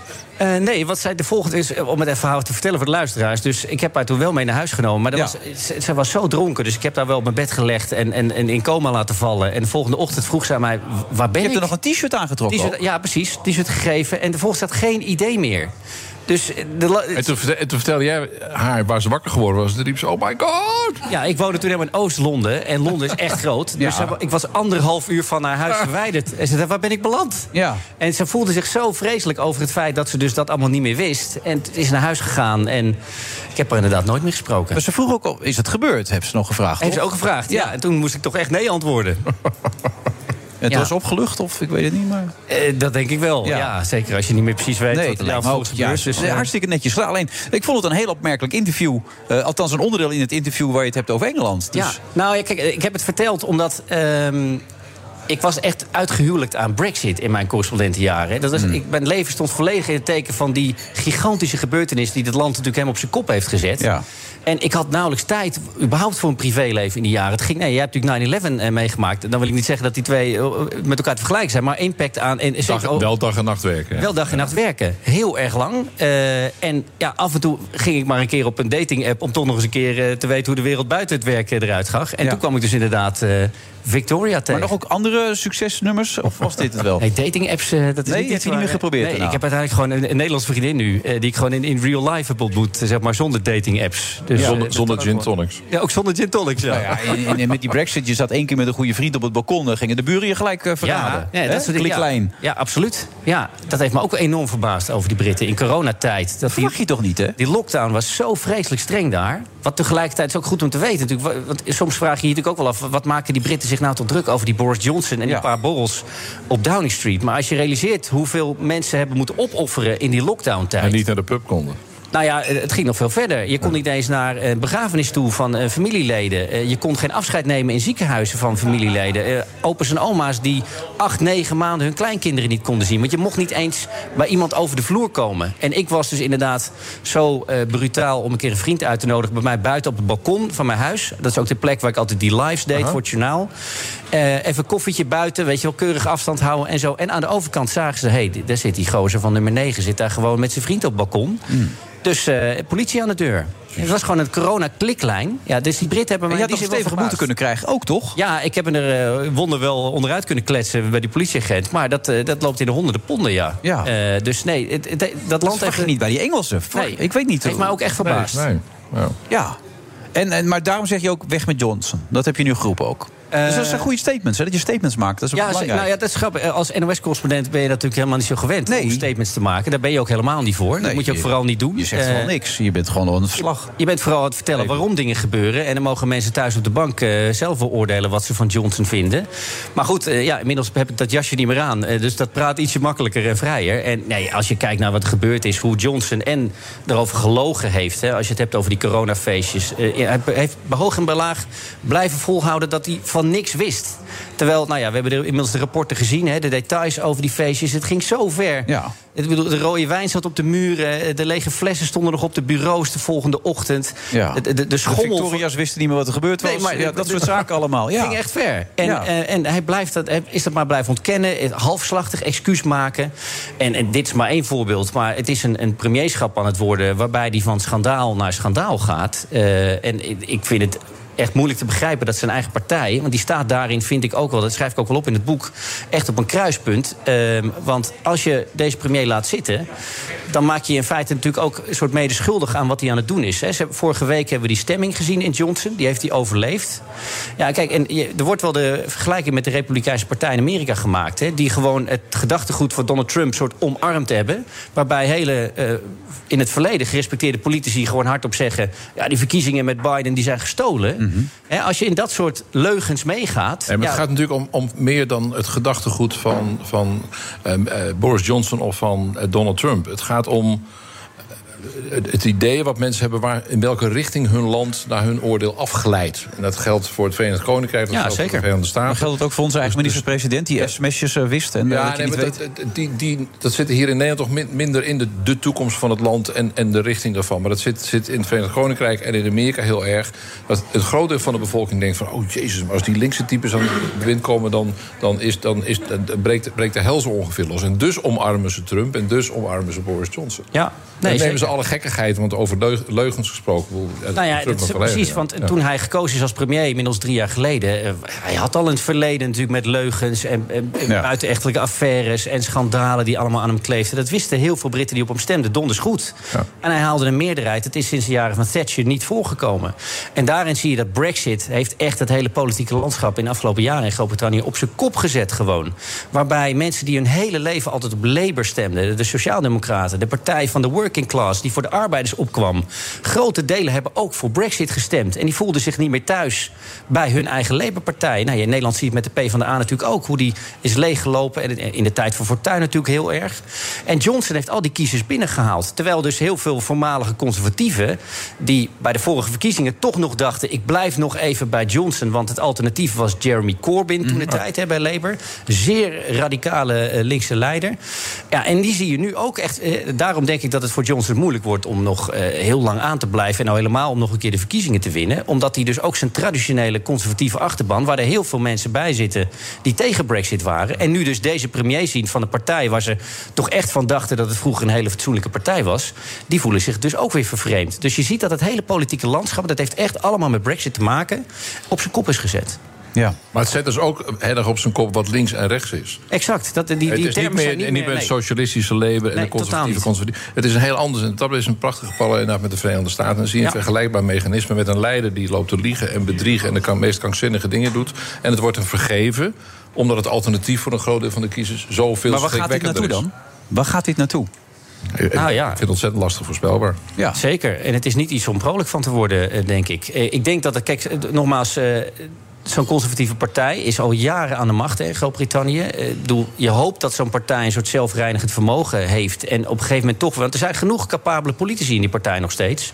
Dat ze toch bereid zijn op een gegeven moment om iemand naar voren te, te sturen... eh, te duwen, die een stuk gematigde koers weer gaat, gaat, gaat volgen. Die partij ook weer meer terug naar het midden beweegt. En dat, het, eh, dat is de, de positieve kant. Maar jullie, Maar- jullie maken dat vergelijk met Amerika en Engeland. Maar in Nederland hebben we dat toch ook wel een beetje. Met een minister-president die er al meer dan tien jaar zit. De, de de toeslagenaffaire, de, de situatie in Groningen... De, alle, alle, alle, alle parlementaire onderzoeken die we nu gaan krijgen... er is toch ook geen gevoel Nou, de meer je- overeenkomst is voor een deel dat het ook minder gaat eh, dan. eh, Denk even terug, wij spreken de tijd van Joop de Uyl, waar het echt ging om, om arbeiders eh, en hun belangen versus zeg maar, de VVD. Even heel, als ik het even heel, heel grofweg zeggen. En dat is nu totaal anders. Dat geldt voor Nederland, dat geldt voor het VK en dat geldt voor de Verenigde Staten. Nou, het geen verschil is natuurlijk. wij zijn een meerpartijenstelsel. Dat is ook echt een wezenlijk verschil. Ja, dus je kan veel kanten Ja. meer op. En Groot-Brittannië en ook Amerika het is echt een twee-partijenland met een districtenstelsel. Maar, de- maar, minder- maar als je de minderheid van de stemmen hebt, de meerderheid in het parlement kan Ja. krijgen. Dat geldt in Londen en dat geldt in Washington. Johnson heeft betekent voor een deel de ellende. 29,7% van het totale electoraat achter zich gekregen... en heeft een meerderheid van 80 zetels in het lagerhuis. Maar we hebben nu Daar toch zit- 19 partijen op dit moment. Nou ja, ik zeg niet dat dat de oplossing is, maar, 20, ja. maar het maakt het wel moeilijker natuurlijk om voor één partij, hè, zoals het met de conservatieven is gebeurd, zeg maar, eh, de hele populistische vleugel, die heeft die partij gewoon overgenomen in de, in de, in de jaren na Nog gefeliciteerd trouwens, Tim, hè? Ja, Nipkoff, eh Ja. reismicrofoon. De zilveren reismicrofoon hebben we gewonnen met Bureau Er Buitenland. zit iets in met kanjers, want jij bent uitgeroepen tot de beste correspondent ooit in de geschiedenis van het NOS-journaal, toch? Na 50 jaar toen. Eh, ja, dat was in de tijd dat ik ontslagen werd, krant. Ja. Echt waar. Ja. Dat liep samen. mooi ja. ja, ja. Oh, nou, heel lang geleden. En je hebt het Wankel Koninkrijk geschreven omdat je ook je liefde voor, voor Engeland toch wel... Je wil het niet geen bananenrepubliek van maken, eh, le- lees ik ook. Nee, zeker niet. Kijk, dus het is ook echt niet een boek waarin ik alleen maar zo- ah, helemaal eh, het Verenigd Koninkrijk bash. Ik maak me gewoon zorgen. Maar tegelijkertijd zijn er heel veel dingen die ik fantastisch vind aan het land. Ja. En dus die heb ik ook gewoon ik opgeschreven. was denk dat ik een tijdje geleden het boek ook gelezen van Lia van Beckhoven, Klein-Brittannië. Jij noemt het Wankel Koninkrijk. De gedachte is, jullie schrijven het heel anders op. Het zijn alle twee hele leuke boeken. Maar ik wel een soort gedachte van, mijn hemel, waar gaat dit heen met dit dat wel. niet verenigd Koninkrijk? Nee, zeker. En dat is precies waarom het ook wankel is. Hè? Want je hebt, eh, het zou zomaar uit elkaar kunnen vallen ook de komende jaren. Denk aan Schotland, denk Noord-Ierland, waar het nu hartstikke onrustig is. Dus eh, nee, het is een eh, ontzettend, blijft een heel fascinerend gebied. Mis je het? Ja, als- op sommige momenten wel. Als, ik bedoel, een stad als Londen mis ik sowieso. Dat, is, dat vind ik zo'n. Ik heb er echt ontzettend veel plezier eh, de afgelopen jaren gewoond. Nou, ik- on- onbeschrijfelijke energie bij. Nou, die kan je, vind ik, bijna alleen een beetje met New York vergelijken. Als je een oud-correspondent vraagt, mis je waar je vandaan komt, dan is het antwoord eigenlijk, als ze eerlijk Ja. zijn, altijd ja. Oké. Toch? Ja, je blijft dat wel een beetje... Hier Bernard om, eh, Hammelburg zitten, Miss Bernard, ja, die woont Ja, maar die woont er nog. Ja. Hè, die viert, viert feest daar. Elke week. Nou, niet elke week, maar dat doet hij nu hier. Met een glaasje wijn zien. Eh, Tim, we zien elkaar weer. Waar dan ook. Hè? Sowieso bij gerespecteerde programma's. Zeker. Misschien ook wel bij eh, dat andere, misschien iets, minder gerespecteerde Ja. programma. Ach, nou ja. Hè? Goed dat je er was. Wankel Koninkrijk, nu in de betere, maar ook in een slechtere boekwinkel. Leuk boek. Mooi. Overal te verkrijgen. Ja, hartstikke leuk. Ja. Dank jullie wel. Business Booster. Hey ondernemer, KPN heeft nu Business Boosters. Deals die jouw bedrijf echt vooruit helpen. Zoals nu, zakelijk tv en internet, inclusief narrowcasting... de eerste 9 maanden voor maar 30 euro per maand. Beleef het EK samen met je klanten in de hoogste kwaliteit. Kijk op kpn.com slash businessbooster. Business Booster. Hardlopen, dat is goed voor je.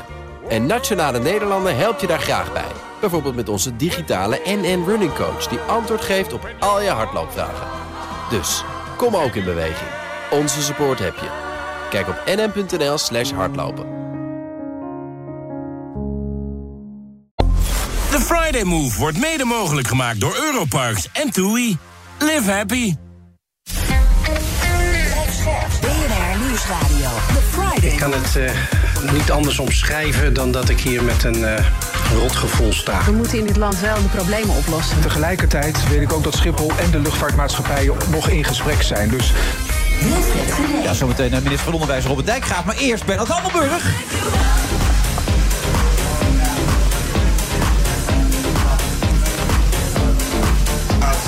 En naast me nog steeds eh, co-host van dienst, eh, Charles Groenhuizen. Even jullie allereerste ontmoeting, Charles. Ik ben zo benieuwd. Jij en Bernard, waar was het? Wat was het moment? Wat gebeurde er?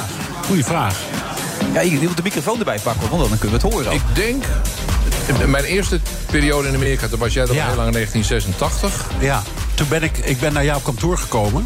En toen liet je mij zien hoe je je eigen decoortje in elkaar had geflanst. Ja, ja. En, de Met- micro- met- en dat, dat zag er verdomd mooi uit. met Hij had echt Ikea-lampjes en- Een stukjes karton en een, en een lampje en zo. Had hij echt een heel mooi decor.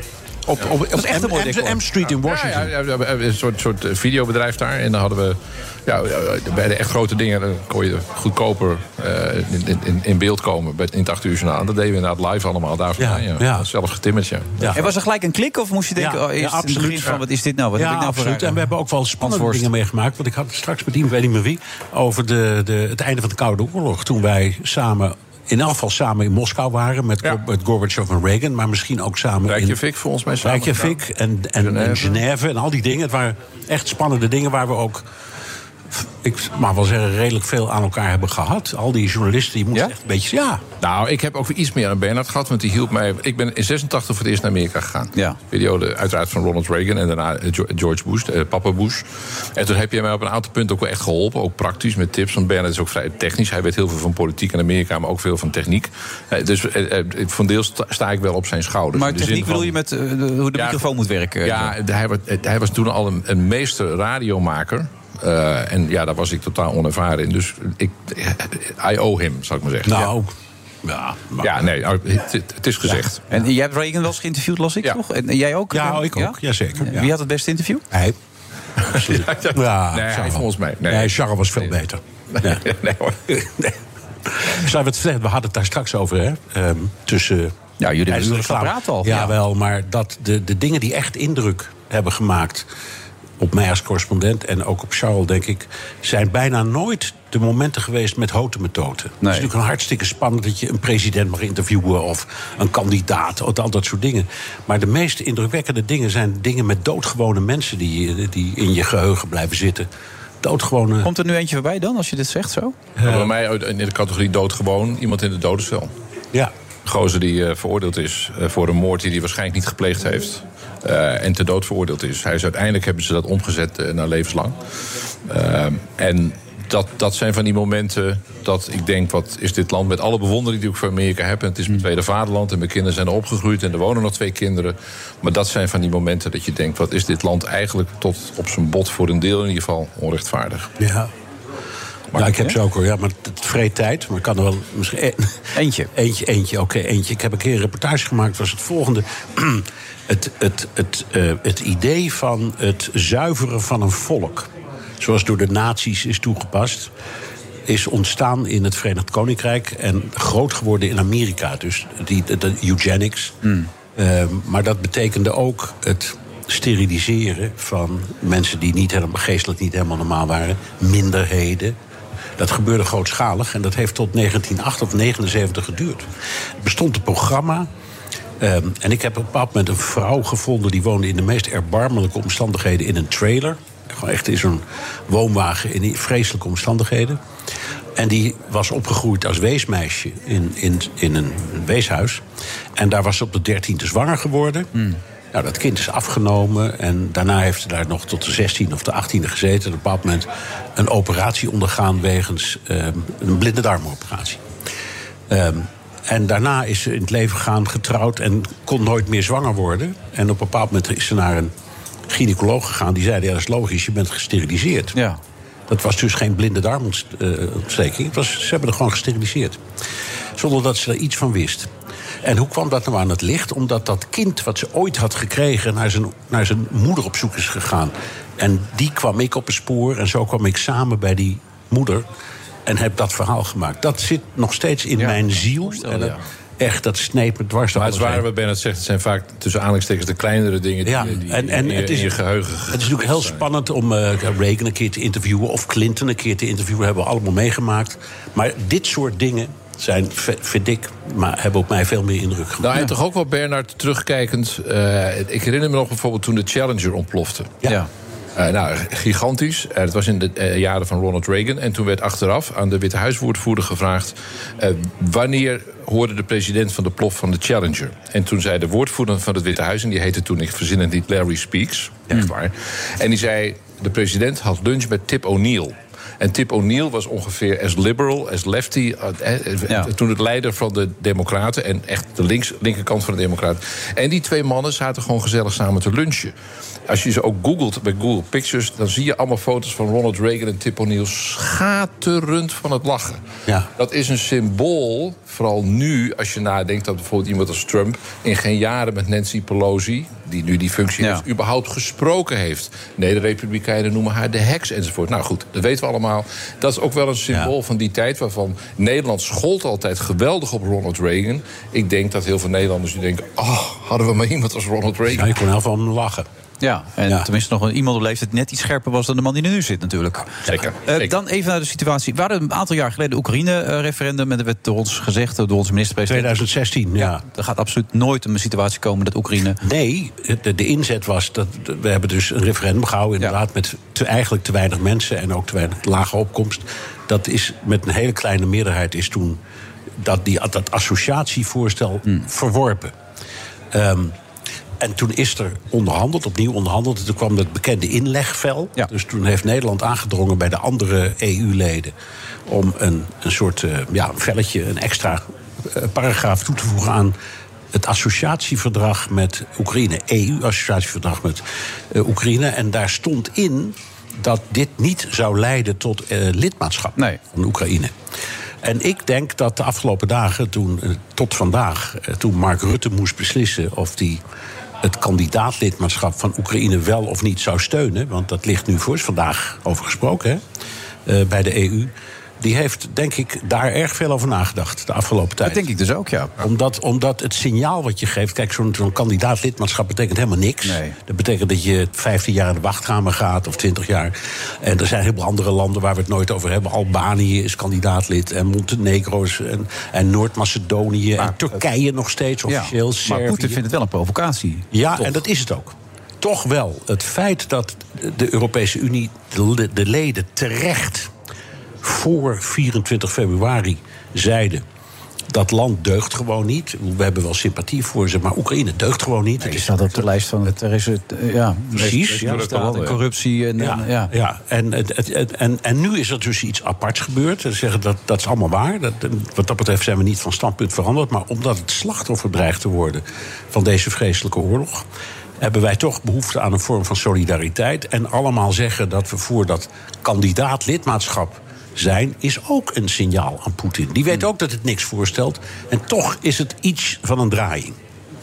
Ja. En Poetin is natuurlijk bezig om aan zijn kant te doen wat hij ons verwijt. Namelijk een aantal landen naar zich toe te trekken. Ja. En een soort herstel van het Russische Rijk of Sovjet-Unie, hoe je het verder maar formuleert. Maar hij is nu boos op ons. Voor dingen die we doen, die hij zelf en die de Sovjet-Unie ooit en op grote schaal en dus op nog een hele brute wijze ook gedaan heeft. Nog iets interessants. De, de Europese Commissie heeft vandaag ook het kandidaat lidmaatschap van Moldavië aanbevolen aan de Europese Raad. Dat zijn dus de, de regeringsleiders die daar aanstaande donderdag over gaan praten. En dat vond ik ook opmerkelijk, want ook dat is een signaal aan eh, Poetin. Van wij weten allemaal dat je ook je oog hebt op Moldavië. Ja, ja. Dat moet je niet doen. Want eh, wij. Maar dit is eigenlijk puur symbolisch. Om het is, hart onder het symboliek, maar het is toch niet zonder betekenis. Maar Bernard, het ondenkbare gebeurt nu. Hè? Dat ze in ieder geval kandidaatlid kunnen worden. Nee, enzovoort. Het gaat razendsnel. Onder druk wordt alles vloeibaar. Maar is het ook zo onder druk wordt alles vloeibaar... tot en met een lidmaatschap van de NAVO van, voor Oekraïne, denk jij? Nee. Gaat niet gebeuren? Nee, gaat niet gebeuren. Hard nodig, maar gebeurt niet? Eh, ik weet ook niet of het hard nodig is. Eh, kijk, je moet ook. Dit conflict gaat heel lang duren. Iedereen weet dat dat wel een half jaar of een jaar gaat duren voordat het over is. Tegen die tijd zul je merken, we, hadden, we hebben het er al eerder over gehad. Hè, de journalistiek leidt aan selectieve verontwaardiging. We hebben het nu allemaal hierover. En als we het over stikstof hebben, hebben we het niet meer over Oekraïne. Zo gaan die dingen. Er komt een moment waarop de wereld gaat denken: dit is een lokaal conflict. En niet meer, er hangt niet meer de wereldvrede vanaf. Dat gaat gebeuren. En dan dooft het langzaam ook in de aandacht.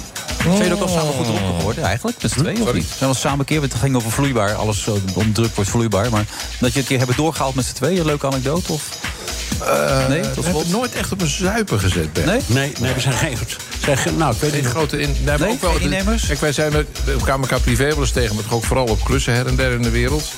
En ik heb De avond, de avond, toen, we hebben het- de avond van dat Oekraïne-referendum. Samen nog ergens in Amsterdam in zo'n gebouw aan Amsterdam. Ja, er was een, eh, een, een, een debat. Ja, Maar dat eindigde niet met anonieme dames met gin tonics. absoluut niet. Helaas, nee, helaas. Tim de Wit voor nodig natuurlijk. Als, als, ik, die- als, ik- als ik die, die verhalen hoor, zoals van Tim net, dan denk ik, wat, wij hebben iets zijn wij, verkeerd. wat zijn wij een Saaie mannen zijn we. ja. Nou maar in ieder mens huis eh, een beest, heb ik gehoord vorige week. Dus het moet ergens zitten bij jullie mannen. Hè? Toch? Nou ja, we zijn nog jong, dus... Ja, zou ik zeggen. Dankjewel Bernard. Tot de volgende keer. Ik ben Edwin Gerritsen bij de ANWB. Het is een vrij drukke spits, maar het drukste moment ligt inmiddels achter ons. Er staat nog 300 kilometer file. De meeste vertraging is op de wegen richting het zuiden van het land. Business Booster. Hey ondernemer, KPN heeft nu Business Boosters. Deals die jouw bedrijf echt vooruit helpen. Zoals nu, zakelijk tv en internet, inclusief narrowcasting... de eerste 9 maanden voor maar 30 euro per maand. Beleef het EK samen met je klanten in de hoogste kwaliteit. Kijk op kpn.com slash businessbooster. Business Booster. Hardlopen, dat is goed voor je.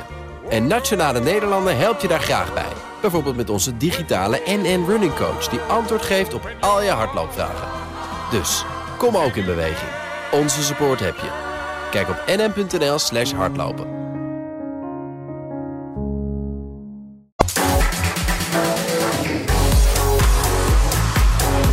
Het is leuk om te zien dat Robert Dijkgraaf nu foto's staat te maken... hier op de bovenste verdieping van Amsterdam. Die denkt bij zichzelf, zo'n mooi uitzicht van Amsterdam heb ik nog nooit gezien. Onze minister van eh, Onderwijs, Cultuur en Wetenschap. Nou, hij staat er echt van. Oh, hij kijkt zijn foto's nog even na ook. Of ze gelukt zijn. Ja, ze zijn gelukt. Hartstikke mooi zeg. Ook maar dat ze door kan sturen nu. Marijn Jongs, hartelijk welkom van het Financieel Dagblad. Dus zijn wij aan land in verval? Om maar gelijk even met de deur in huis te vallen? Nou, nee, dat lijkt me niet. Nee? Nee. Heb ik iets gemist? Nou ja, onderwijs, eh, eh, tekort aan mensen, Schiphol, Nou ja, gas. eh, ABN AMRO wordt misschien door de Fransen gekocht. Dat vind ik nog wel een dingetje. Maar eh, goed. maar je, het, het, het gaat wel lekker allemaal. Ja, maar als je een jonge, jonge generatie die op van geen kant in, of in aanmerking komt voor een huis. Eh, nou ja, eh, eh, Schiphol. Eh, het gas doen we niet goed. De toeslagen, Ja, toeslagen. doen we niet goed. De, de, de middenklasse die toen. maar- Ik hoorde gisteren van een mevrouw die heeft een moestuin. Ja. Eh, en die zegt: er zijn nu mensen uit mijn straat die mijn moestuin leegstelen. Want ze hebben gewoon echt geen geld. En die laten het ook maar gaan en denken van nou, het zal wel. Misschien is een land in verval iets overdreven, eh, collega, maar er zijn toch wel een aantal dingen nu parallel waarvan ik denk van holy smoke, dat had ik vijf Ja, jaar maar de vraag was, was het een land, is het een land in verval? Dan moet het antwoord nee luiden, denk ik. Ehm, ik bedoel, ja, het, de, er zijn dingen aan de hand, maar eh, Er zijn mijn ouders leven niet meer, maar die hebben de Tweede Wereldoorlog meegemaakt. Ik denk, ja. Ja. dat is toch wel een andere koek natuurlijk. Maar goed, voordat we helemaal die, de Hmm. Godwin er meteen bij gaan halen. eh, kijk, die, die dingen die jullie net noemen, zijn natuurlijk totaal verschillende dingen. De huismarkt is absoluut een groot probleem. Ja. Eh, maar Schiphol, ja, dat heeft te maken met arbeidskrapte uiteindelijk. Eh, en organisatie, absoluut. Maar toch ook arbeidskrachten, eh, als je het helemaal Maar wat laten dingen toch gaan? Kijk, en arbeids, arbeidskrapte is natuurlijk eh, een teken dat we gewoon een hele krappe arbeidsmarkt hebben. Ook een hele lage werkloosheid. Dat is toch ook wel weer positief, zou ik kunnen zeggen. Alleen we lopen tegen de grenzen van onze capaciteit aan. Hoe kan het dat in zo'n korte tijd tot zulke excess is gekomen dan? Als je nu een rechtbank hebt in Gelderland die 1500 zaken laat lopen... omdat er niet genoeg Tunnels personeel gaan is. dicht. Ja. Ja, tunnels gaan dicht. Er was één, er was één iemand ziek, begreep ik, bij Ja, die tunnel dat vind toen. ik ook wel een kwestie van organisatorisch. dat moet je toch anders kunnen doen, kom op. Dat Ja. lijkt me ook. Ik vind, het, ik vind het dat wel heel makkelijk als je dan verwijst naar de krappe arbeidsmarkt. Maar eh, de, de kiem van dit probleem was er natuurlijk al in 2019. Hè. Toen, toen, toen, toen was dat het onderwerp. Jongens, we, we hebben handjes tekort. Ja. En toen kwam de, de, de coronacrisis. En toen verdween dat totaal naar de achtergrond. Was het meer de, eh, het, de uitdaging om de economie überhaupt draaiende te houden. Eh, nou, toen was die crisis voorbij. Mensen hadden gespaard omdat ze een tijdje niet konden uitgeven. Tegelijkertijd waren er natuurlijk allerlei verstoringen in de aanbodketens. Hè, lockdowns eh, in, in onze grote toevoerlanden, China, et cetera. Nou, die combinatie die pakte natuurlijk eh, heel slecht uit. Ja. Maar ik bedoel, weet je, jij zegt, we zijn geen land in verval. Oké, ik ga met je mee, dat moeten we niet overdrijven. Maar tegelijkertijd, de uitdagingen waar we met z'n allen voor staan... we hebben klimaat nog niet genoemd, eh, Oekraïne enzovoort. De uitdagingen zijn, ik wil niet zeggen groter dan ooit... maar ze zijn kolossaal. Daartegenover staat een politiek apparaat... met twintig fracties in de Tweede Kamer... en een, een kelderend vertrouwen in de politiek... Ja. En Waarvan ik denk, grotere taken, minder vertrouwen... dan dat, dat loopt... Ik wil niet zeggen dat het vastloopt... maar dat is wel een, een, een parallele ontwikkeling waarvan je denkt van holy smoke, waar eindigen we? Dat ben ik wel met je eens. Alleen eh, de analyse van die problemen verschilt natuurlijk wel. En als je kijkt naar de arbeidsmarkt, ja, daar kampen wij niet als enige mee. Hè. Dat, is een, Nee. dat is een probleem wat in heel andere Europa landen in. Europa, ja. En in de Verenigde Staten ook trouwens. Eh, de vergrijzing, dat is natuurlijk een, een soort gletsjer die je al tijden eh, ziet smelten. En eh, ja, dat probleem dat speelt nu ook bij die arbeidsmarkt. De arbeidsmarkt groeit, of het arbeidsaanbod groeit nog, maar niet hard genoeg om de vraag bij te benen. En hoe gaan we dat oplossen? Migranten? Eh, Wat is het idee? Wat Nou is ja, de er zijn, eh, zoals dat dan zo mooi heet in beleidstermen... er zijn verschillende knoppen waar je aan kunt draaien. Mhm. Migratie is er één van, dat is ook een hele omstreden. Bovendien zeg ik erbij, eh, we zijn niet het enige land... eh, wat graag migranten binnenhaalt. Er, er is keuze uit, een, eh, uit meerdere plekken. Mhm. Ik sprak onlangs met een, eh, met een eh, Canadese econoom van een grote bank. En die zei, ja, onze regering haalt eh, de, de komende, dit jaar... en de komende twee jaar 450.000 immigranten per jaar binnen. Die hebben echt zo'n beleid. En die profiteren ook van het feit dat het in Amerika wat, wat minder populair is geworden. Hebben iets meer ruimte ook. En die, en die zijn ook bij, we hebben de ruimte. Dus Ja, dan kunnen die ja. mensen op, opvangen. Maar hier eh, gaat het echt meteen tot problemen leiden op de woningmarkt bijvoorbeeld. Ja. Dus, dus, dus de capaciteit is minder. Kun je ook zeggen, nou laat dan eh, meer deeltijders eh, volledig werken. Ja, want het, we zijn kampioen deeltijd in We zijn Nederland, toch? kampioen Dat deeltijd. is ook een verworvenheid. Nou, dat is precies, Vrouwen eh, en, en mannen trouwens. Maar- Helemaal mee eens. En ik denk ook, eh, er wordt heel makkelijk gezegd van ja, als je dat maar wat aantrekkelijker maakt fiscaal, dan gaat iedereen ineens voltijds werken. Ik geloof er helemaal niet van. Ik denk dat het inderdaad een welvaartsverschijnsel is. Dat mensen denken van nou, we, we kunnen het redden als we allebei drie dagen werken. Of vier. Waarom zouden we dan ineens vijf dagen gaan werken? Maar je kunt als overheid wel draaien aan de knop van bijvoorbeeld kinderopvang. Eh, Ja. Ik heb het lang achter me gelaten, omdat ik volwassen kinderen heb. Maar als ik nu de bedragen hoor die jonge collega's... bijvoorbeeld een redactie van op één moeten betalen... om hun kinderen naar de opvang, dat Ja, is als ze al plaats kunnen krijgen Maar als ze al plaats kunnen Ja, krijgen... maar maar- met de salarissen die deze jonge mensen verdienen... is het echt godsonmogelijk gecombineerd met de huizenprijzen. Er komt nog eens een keer bij natuurlijk dat eh, als je meer kinderopvang wilt, kom je daar weer met, eh, met een tekort aan arbeidskracht. Ja, dat is nu deze week duidelijk Dus het is een Dan stuur je gewoon naar huis. Ja, stuur je thuis met je kinderen. Het belangrijkste is gewoon dat we, dat we meer gaan doen met hetzelfde aantal mensen. Dus de productiviteit moet omhoog. Kan dat? Zit dat erin? Nou ja, dat is eh, enorm achtergebleven de laatste tijd. Eh, als extra probleem is dat de overheid eh, zelfs een, een negatieve productiviteitsgroei. Dus die doen eigenlijk minder met hetzelfde aantal mensen, zou ik kunnen zeggen. Nou dus ja. die werken steeds inefficiënter. Nou ja, daar zit natuurlijk een groot probleem. Jarenlang was het spookbeeld in Nederland baanloze groei. Hè? Van ja, we, we gaan er wel in welvaart achteruit, maar er komen onvoldoende banen bij. Eigenlijk zouden we daar juist naar moeten gaan streven, naar baanloze groei. Want het is niet zo lang geleden te boeken verschenen... dat 30, 40 procent van alle banen zouden door de robots worden weg, Ja. weggehaald. Ja. Eh, Massale werkloosheid. We zijn toch ook maar, moeten we vaststellen... met z'n allen echt heel erg slecht in staat... om zelfs maar een paar jaar vooruit te denken en te kunnen... Er wordt gezegd, nou, als economen niet zeggen... weet je zeker dat het niet gebeurt. Dat is een beetje flauw en overdreven. Maar we zijn wel heel slecht in voorspellen. Ja, dat klopt ook. Het is ook niet te voorspellen, want het is een, een menswetenschap, zoals het heet. Dus al die, die relaties die in een model st- stopt, hè, als A gebeurt, dan gebeurt B. Ja, die, die relaties veranderen voortdurend. Dus, eh, dus inderdaad, eh, ik heb zelf economie gedaan en ik heb ook al die modelletjes moeten bestuderen. Maar, eh, Je maakt wel een relaxed indruk, Marijn. Ik kan me voorstellen dat mensen ook thuis wel eens hier en daar zitten... en denken, waar gaat dit land naartoe? Maar Nou, het is grappig dat je dat zegt. Gisteren bracht ik even de eh, weg. En toen kwam een buurman naar me toe. Die zei, ik volg jou op LinkedIn. En ik word allemaal ontzettend somber van al die verhalen die je schrijft. En en heb jij dat dan zelf niet? Ik zeg, nou eigenlijk niet. Ik weet dat dan toch los eh, te koppelen. eh, Onder het motto van, ja, we, we hebben een, een dusdanige mate van welvaart... dat als we, eh, stel we gaan 20% in welvaart achteruit... wat enorm zou zijn... dan eh, hebben we nog steeds eh, voldoende te eten, lijkt mij. Dus je moet het wel een beetje in perspectief zien. hè. Ja, wel, maar dat is voor de, met name jonge generatie. Denk even aan, aan de jonge twintigers. eh afgestudeerd op goed met, misschien met een gezin enzovoort. Voor die jonge kids, ik noem het dan maar kids... is het echt volstrekt onmogelijk om het perspectief te volgen. Wat, wat ik in ieder geval in mijn jonge jaren en jullie in jullie jonge jaren... dan waren er toch ook met hele gewone banen...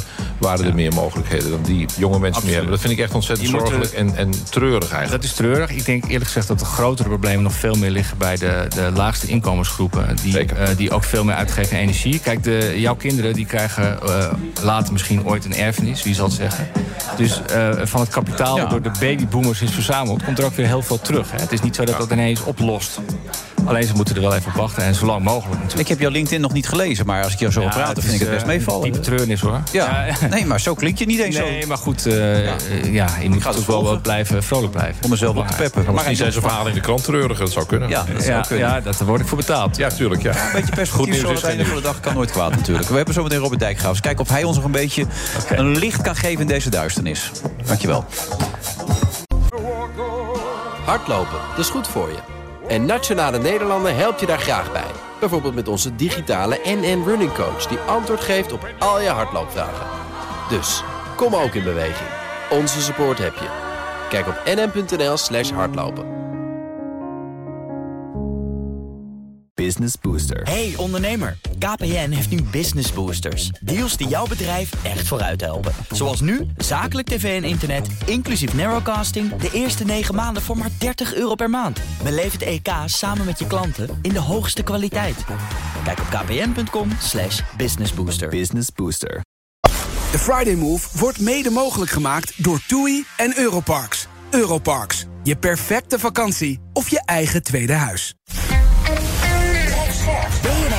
Nieuwsradio. The Friday Move. Precies dit was voor mij de reden om hier zaterdag iets over te zeggen. En Ik kan het eh, niet anders omschrijven dan dat ik hier met een eh, rotgevoel sta. Maar zuur is het natuurlijk wel voor al die vakantiegangers. Wilfred Genee. 5 miljard en zelfs meer voor onderwijs is onze minister van Onderwijs Robert Dijkgraaf daar nu blij mee.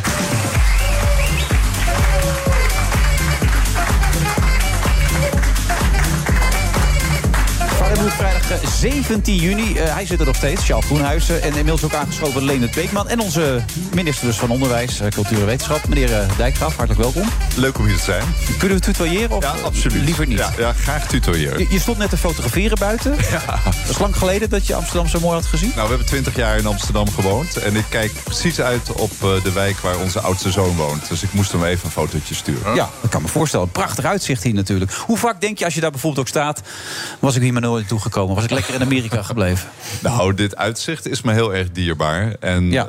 ja, mijn leven heeft altijd aan twee kanten van de oceaan plaatsgevonden. Dus Ja. ik vind het weer leuk om terug te zijn. Maar tien jaar Princeton was natuurlijk prachtig daar. Dat was fantastisch om te doen als directeur toch? Ja, het is geweldig. Het is, voor mij was het een droombestemming. Echt Ja. letterlijk. Iets waar ik eh, als eh, klein jongetje al van droomde om daar te zijn. En dan in die voetsporen van al die grote natuurkundigen te lopen. Maar ja, op een gegeven moment is het ook weer leuk om de, het volgende hoofdstuk te beginnen. in een nachtmerrie, iedereen aanraden. in een nachtmerrie terecht te komen, toch? Ja. Nee, ik moet zeggen, heel veel mensen vragen mij... eh, gaat het goed met je? En dan zeg ik ja. En dan kijken ze aan en dan zie ik ze denken... het gaat niet goed met Robert, want hij denkt dat het goed met hem gaat.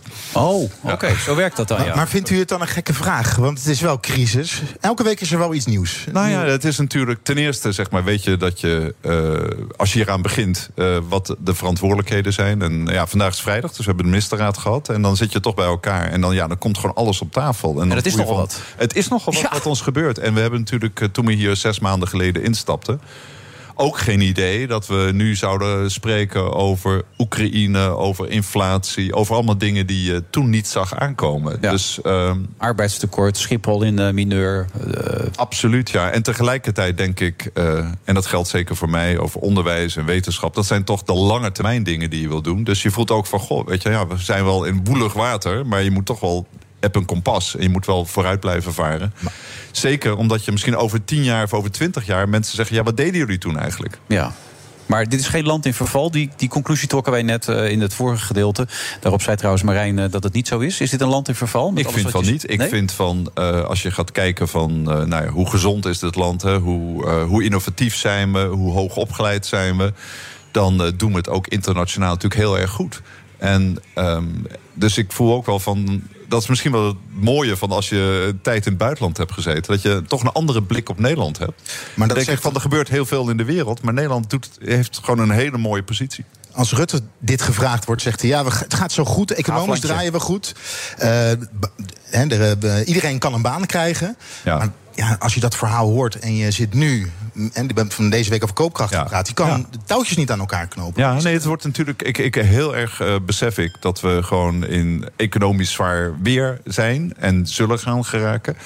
En dat we natuurlijk heel erg goed moeten kijken van hoe we vooral de zwakkeren in de samenleving daar tegen beschermen. Dus dat is ook wel iets waar discussies nu over zijn. En ik denk ook, ja, dat moeten we eh, ook als kabinet, maar volgens mij het hele land maakt zich daar zorgen over. Maar je bent ondertussen ook onderdeel van een kabinet en van een politiek eh, spectrum. waar nog maar 17% van de, van de mensen in Nederland vertrouwen in heeft. Hoe voelt dat dan? Eh, ja, dat is natuurlijk, dat zou je liever anders willen zien.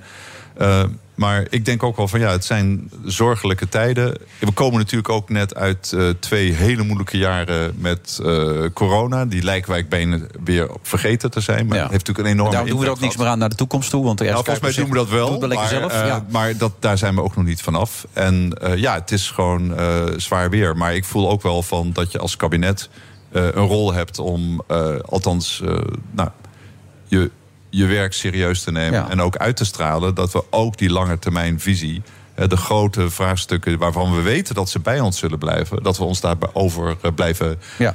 Buigen. Dat was nooit de inzetten. specialiteit van Mark Rutte. Die had nooit een visie. Hè? Die keek nooit verder dan zijn neus lang was, toch? Nou, volgens mij dit kabinet heeft wel eh, ook, eh, als je het coalitieakkoord ziet, zie je daar natuurlijk toch al plannen rondom, rondom klimaat, rondom duurzaamheid, rondom stikstof, rondom onderwijs, rondom wetenschap, waar we gewoon echt wel ambities hebben neergelegd. En die gaan we ondertussen ook uitvoeren. Je zit te je popelen, zou- je zou je. Ja, je staat te Ja, ja, popelen. nou ja, je, zou, je zou hopen dat met de uitdagingen waar we allemaal voor staan... we hebben ze genoemd, dat het vertrouwen in de politiek en onze leiders zou toenemen. En dat zie je nu, en dat geldt voor Nederland... want eh, straks over de Verenigde Staten en het Verenigd Koninkrijk... andere landen, zie je eigenlijk het omgekeerde gebeuren. Als ik daarnaar kijk, dan denk ik vanuit mijn positie... dat vind ik echt zorgelijk. Dat is geen verwijt, maar wel een soort constatering... dat je denkt van, holy mo, waar gaan we naartoe? Nou, er ligt natuurlijk een enorme opdracht voor de politiek om dat eh, vertrouwen te herwinnen. Eh, maar je, je- ondertussen zijn er ook wel krachten die veel groter zijn dan alleen maar het beleid of je individueel gedrag. Het heeft te maken hoe, hoe onze samenleving onder druk staat. De rol van social media.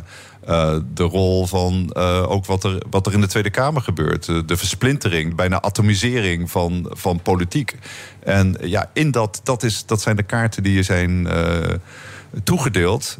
Nou, dan kan je denken van, goh, van, ik had liever andere kaarten gehad. Maar dit is het spel wat we moeten spelen. Ja, bij je aanstelling zei je, we moeten de feiten centraal stellen. Ook Ja, in de politiek. Dat is heel belangrijk. Werkt dat altijd voor het grote publiek, die feiten?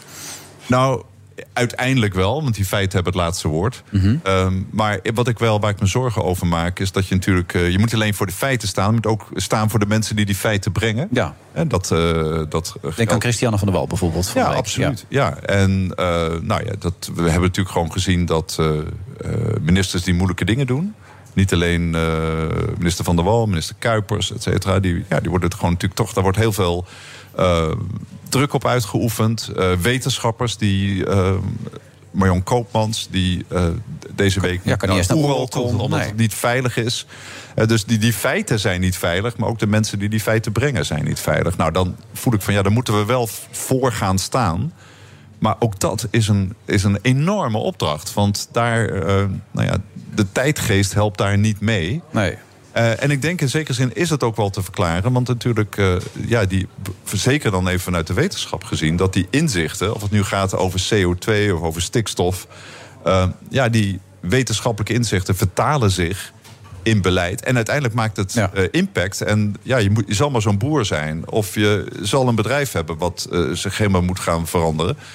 Ja, dat snap ik van. Dan, dat, dat doet pijn. En, eh, Je hebt- en dus je die hebt het wetenschap hebben voor nodig. En je hebt het draagvlak voor nodig. Je hebt het draagvlak voor het nodig. leiderschap van dit land. Ja, en een van de dingen die we bijvoorbeeld wel bij corona hebben geleerd... vond ik best een interessante les... waar natuurlijk allerlei twijfels waren over vaccins... over van dat, dat die, die gemeenschap, van die, die groep die daar twijfel bij had... dat die enorm divers is. Dat er heel veel verschillende soorten eh, redenen zijn om te twijfelen. En die moet je ook niet op een grote hoop gooien. Het kan gewoon puur zijn dat je het je persoonlijk raakt. Of je...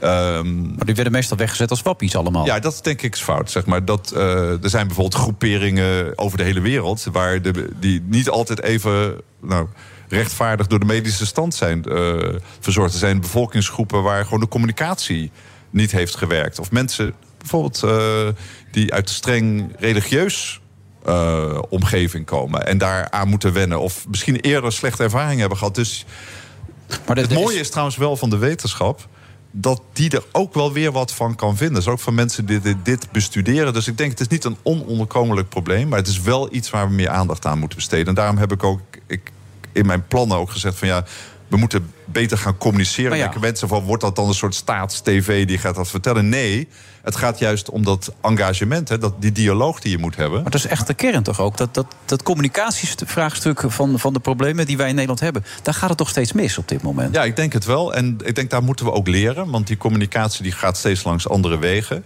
En ja, soms zeg ik ook wel eens... kijk, heel veel burgers zijn eigenlijk een soort proto-wetenschappers. Dat wil zeggen, ze doen hun eigen onderzoek. Dat is misschien soms eh, op Google. Dat, dat is de Universiteit van Google is niet altijd even vertrouwbaar. Maar mensen zijn wel geïnteresseerd. Mensen zoeken zelf dingen. Dus dat is het begin van een gesprek. Heel anders dan misschien 100 jaar geleden. Waar je, ja, zeker als wetenschapper kon je vanuit de kansel met een witte jas iets zeggen. En dan had iedereen, nou, de dokter zegt het, ik ga het maar doen. Ja. Daar zijn we niet meer. Als de onderlinge communicatie in de Kamer al zo slecht is tussen de politici... Ja. hoe wil je dan naar buiten toe je verhaal gaan vertellen om het eh, geloofwaardig te maken? Nou, ik denk dat de Kamer, die heeft daar ook wel een, zeg ik, toch wel een voorbeeldfunctie. En eh, dus als wij in de Kamer het gesprek op een goede manier kunnen voeren over de feiten, dan kan dat ook wel weer inspirerend zijn. Maar ik vind het als voorbeeld wel, wel af en toe vrij verdrietig. Dat, ik denk dat kinderen daar ook naar kijken en op de publieke tribune zitten. En als je af en toe de toon hoort, dan dat is wel anders dan 10 en 20 en 30 jaar geleden. En als daar zo'n slecht voorwoord wordt gegeven, ja, ik kan niet anders zeggen dat ik. Ja, goed, jij zit er elke dag, eh, maar ik vind het verdrietig. Nou, we hadden, onlangs hadden we 150 eh, basisschoolkinderen die er waren. En die eh, mochten ook eh, wat zeggen Ja, en interventies maken. En ik dacht van, nou, dat was eigenlijk een heel inhoudelijk debat. En Ja, die reageerden keer. keurig Eindelijk een inhoudelijk debat, dat is ook eens lekker, toch? Ja, nee, dus dan, kijk, het, het mooie als je minister van Onderwijs bent, dat je heel veel leerlingen, studenten spreekt. En eh, het is heel erg lastig, dat geef ik toe, om deze wereld hoop te hebben, Mhm. om optimist te zijn. Maar als ik toch met jonge mensen spreek, dan eh, denk ik, kom ik altijd uit zo'n gesprek met eh, veel energie. Want Maar spreek je ook met die mensen die straks 70, 80.000 euro aan schuld hebben na hun studie? Ja, ook die. En, en hoe kun je die een beetje opbeuren dan? Nou ja, dat, dat, dat het feit dat ze die studieschuld hebben, dat zijn trouwens hele extreme. Ja, extreme we hadden als een meisje bij ons in de uitzending die zo'n ja, zo'n ja, nee, had. dat is ook zo. Dan, dan, eh, nou, dan maak ik me ook wel zorgen van ja, hoe is die communicatie geweest? Want dan heb je ook wel heel veel geleend. Eh, maar die leningen die zijn natuurlijk wel extra zwaar gaan drukken op jonge mensen. Omdat er natuurlijk van alles gebeurd is met de huizenmarkt. Ehm, ja, nu zeg ik van goh, Hmm. Maar je kunt tegelijkertijd is niet tegemoetkomen. Die- Nee, we kunnen, we kunnen die, Nee, die maar- schulden niet allemaal kwijtschelden. We hebben een tegemoetkoming. Dan zeggen mensen ook dat is niet een volledige compensatie. Dat is waar. 1 miljard toch? Voor deze... 1 miljard, ja. Ja. En ehm, dat, eh, dat, ik snap ook dat mensen zeggen, zouden meer willen hebben. Andere kant denk ik van ja, de arbeidsmarkt is ontzettend goed op dit moment. Voor jonge mensen, zeker voor hoogopgeleide mensen. Ehm, er is, eh, we gaan een aantal andere dingen doen het kabinet. Hè. We gaan de kinderopvang bijna gratis maken. Nou, eh, heel veel mensen die nu eh, jonge ouders zijn, die zeggen, nou, hadden we ook wel gewild. Ja. Dus dat zijn, dat zijn mooie dingen. Die, die heb ik vaker gehoord. Dat vind ik zo'n lullige vergelijking, vind ik dat. Dat Nou, is dat een beetje appels met peren Zo, vergelijken. Leendert, hoor. dat zijn Ja. teksten van jou, die ken ik niet. Maar Nee, hoor. nee, maar dat is, ben ik Nee, wel maar echt ik- want punt dit is een, nee, dit punt is- pechgeneratie. Die heeft er heel even Ik tussen vind het geen pechgeneratie. Ik vind het geen pechgeneratie. Want het is heel erg moeilijk om van tevoren te zeggen dat je een pechgeneratie bent. Want je weet niet wat er precies allemaal op je afkomt. Om nu te zeggen dat iemand die over tien jaar studeert in een fantastische situatie zou zitten, dat weet je gewoon niet. Dus ik denk je moet per generatie kijken. En eerlijk gezegd is altijd, er zijn dingen die voor en tegen je werken. Eh, wat natuurlijk een feit is, is dat we de, het leenstelsel wat in 2015 geïntroduceerd is, dat we dat terugdraaien. Eh, we draaien dat terug terwijl we de middelen die we daarmee in het hoger onderwijs hebben geïnvesteerd daar laten zitten. En we vullen het aan met een basisbeurs. Dat is zeker waar dat de studenten die ik hoop vanuit 2023 gaan studeren, een, een betere situatie zullen hebben dan de. de dan dit is, dit is beleid van D66 geweest. Dat was allemaal voor de oorlog, voor corona. Het zijn jongeren die nu met een grote schuld moeten beginnen aan hun leven. Het feit dat ze geen huis kunnen vinden... heeft ook niks met corona of met de oorlog te maken. Dat is echt beleid wat daarvoor gevoerd is. Maar we, waar zij nu de rekening voor betalen? Nou, ik, eh, het mooie is dat we gewoon deze stap maken. En eh, we. Tuurlijk eh, kunnen we niet iedereen helemaal met terugwerkende kracht compenseren. Dat is trouwens ook heel vaak in beleid. Hè. Als je iets beters gaat doen, dan ga je ook niet met terugwerkende kracht. snap de frustratie wel. Ik snap de frustratie compleet, absoluut ja. En, ehm, maar ja, goed, dit, eh, dit is het eh, kabinetsbeleid. Ja. En als je dan kijkt naar onderwijs, 5 miljard in de komende 10 jaar en ook 700 miljoen per jaar. Is dat dan allemaal repareren of is het ook echt verbeteren nog eh, verder goed door? Nou, als je ziet de plannen die we vandaag hebben gelanceerd... wat eh, ongeveer dus inderdaad eh, ook een miljard per jaar is voor de komende tien jaar... Hè, dus een pakket van 10 miljard... daar gaan we enerzijds, denk ik, de scheefgroei... Hè, de echt het piept en het kraakt in het hoger onderwijs... op hogescholen, universiteiten... voor onder andere te maken dat er bijvoorbeeld op de universiteiten... heel veel meer studenten bij zijn gekomen... Onderwijsmiddelen hebben die wel gevolgd, maar niet de onderzoeksmiddelen. Dus de jonge docenten en daar moeten we ook onze zorg voor uitspreken. Dat is diezelfde generatie die nu aan het werk is op de universiteit. Die heeft heel weinig tijd om onderzoek te doen. Als ze een beurs aanvragen, hele lage slaagkans. Die hebben ook flexcontracten. Dus in het hoger onderwijs adresseren we dit door gewoon nu met deze middelen universiteiten, hogescholen de ruimte te geven om dat eh, enerzijds te repareren, maar ook wel een blik op de toekomst. Want we gaan deze middelen echt wel in die jongste generatie investeren. Ik lees in de brief, en ik schrok een beetje van deze zin... want Wilfred vraagt, is het een reparatie? Dan lees ik gewoon letterlijk... oh, het zijn noodzakelijke en achterstallige in- investeringen. Dat heeft u opgeschreven. Ja, Dat als je kijkt meer als van... eh, nee, maar dus ik, ik heb zelf in een andere capaciteit... ik denk bijna twintig jaar lang gezegd van... er is echt een gat in ons hoger onderwijsbudget. En dan gaat het dus niet om het support voor de studenten... maar gewoon de kwaliteit van ons onderwijs. En als je kijkt van... eh, dus Nederland heeft een heel bijzonder stelsel. Het is namelijk breed toegankelijk. Hè? Dus iedereen bijvoorbeeld met een, eh, een VWO-diploma... kan gaan studeren op een universiteit... die in de top 200 van de wereld staat. Dat is heel bijzonder. Breed toegankelijk en hoge kwaliteit. En hoe kunnen we dat nou doen met zo'n klein budget? Dat komt omdat we enorme druk uitoefenen op onze docenten, op onze onderzoekers, met name de jongeren. En ja, die, die stress die zij ervaren, daardoor laten, eh, zorgen we dat het puzzeltje klopt. Dus dat is niet duurzaam. Daar moeten we echt wat aan doen. Ehm, alle koepels van studenten tot jonge onderzoekers, tot de hogescholen, tot de universiteit, tot de wetenschappelijke instellingen hebben dit echt jarenlang gezegd. Ik heb zelf eh, dat soort brieven ondertekend. En ik vind het wel heel mooi dat we vandaag aankondigen dat we eindelijk die investering gaan maken. Want ik lees de e- allereerste zin. eh, als kennisland behoort Nederland op dit moment nog tot de wereldtop. Ik zet een streep onder het woord nog tot de wereldtop. Want als je gaat kijken van hoe bepalen we dat, hè, dan zeggen we dat vaak in termen van prijzen en doorbraken. Nou ja, dat zijn vaak een generatie die 20, 30 jaar eerder begonnen is als student, als jonge onderzoeker. Eh, dus uiteindelijk moet je ervoor zorgen dat je, als je over 10 of 20 jaar nog steeds op die wereldtop wil zijn. En dat zijn we, want als we kijken als klein land. Maar er is dus een dreiging. Is er een enorme dreiging. En die investeringen zijn er niet. En iedereen zegt: jongens, eh, de- er is geen jonge aanwas. Er zijn veel mensen, jonge mensen, die zeggen: van nou, ik vind het gewoon een gekke huis op de universiteit, de hogeschool. Ik ga weg. Ja, dat kan gewoon niet. En ik moet zeggen, ik ook gedaan heel vaak mijn. Mijn eigen situ- situatie toen ik, wel, de jaren tachtig eh, begon aan het promoveren was, een jonge docent was met de situatie nu. En mensen doen wat, doen er gewoon de vergelijking. Ja, wat is de kans om nu een beurs te krijgen vergeleken met toen? En bepaalde domeinen heeft men het uitgezocht. Dat was gewoon de kans was twee keer kleiner nu. Ik denk als je nu zou gaan. Je bent verantwoordelijk voor een bepaalde groep in de maatschappij die het twee keer zo slecht heeft ten opzichte van eh 20, 30 dan jouw eigen generatie. Ja, dan heb je een slecht verhaal om te Maar dan even over het leenstelsel. Het leenstelsel werd ooit ingevoerd om te gaan investeren in het onderwijs. Om het onderwijs beter Is te ook maken. gebeurd. Dat gebeurt nu, maar niet goed genoeg dan. Nee, wat is achterstallig onderhoud? Nou, dat is gebeurd, maar wat natuurlijk gebeurd is, is dat eh, ja, de studentenstromen zijn groter geworden. En, groot goed. Het is een groot Buitenlandse goed, maar studenten? De, de middelen volgen die studenten, maar dat zijn pure onderwijsmiddelen. Dus als jij docent bent, onderzoeker, dan wil je en lesgeven, prima, daar krijg je heel veel energie van, maar je wil ook onderzoek doen. Trouwens ook op de hogeschool. Eh, ook heel belangrijk, willen ze ook onderzoek doen. Maar die onderzoeksmiddelen zijn nooit meegegroeid. Dus wat je krijgt op een gegeven moment, dat jouw, jouw werk, jouw positie, komt helemaal scheef te staan. En die scheefgroei, die proberen we nu recht te trekken. Is die 10 miljard voldoende dan voor de komende 10 jaar? Nou, het komt er heel eind in de richting. Als we gewoon alle plannen zien, dan zou ik zeggen van... nou, prachtig, maar wat ik vooral zou willen... Wat zou is je dat liever dit, dan? Wat zou dan de, de, de meest denkbare... Maar wat ik hoop, dat we hier de komende tien jaar succes kunnen maken... en dat we over tien jaar kunnen zeggen, dit soort investeringen helpen... en dan kunnen we de volgende knik naar boven maken. Want internationaal zijn we gezakt afgelopen jaar. Die PISA-scores gaan nu weer omhoog. Eh, nou, dit gaat ons zeker helpen omhoog te komen. Maar ja, de rest van de wereld zit natuurlijk ook niet stil. Maar nogmaals, Nederland in impact in de wetenschap. hè, Misschien niet het aantal wetenschappers, het aantal publicaties, maar gewoon de impact.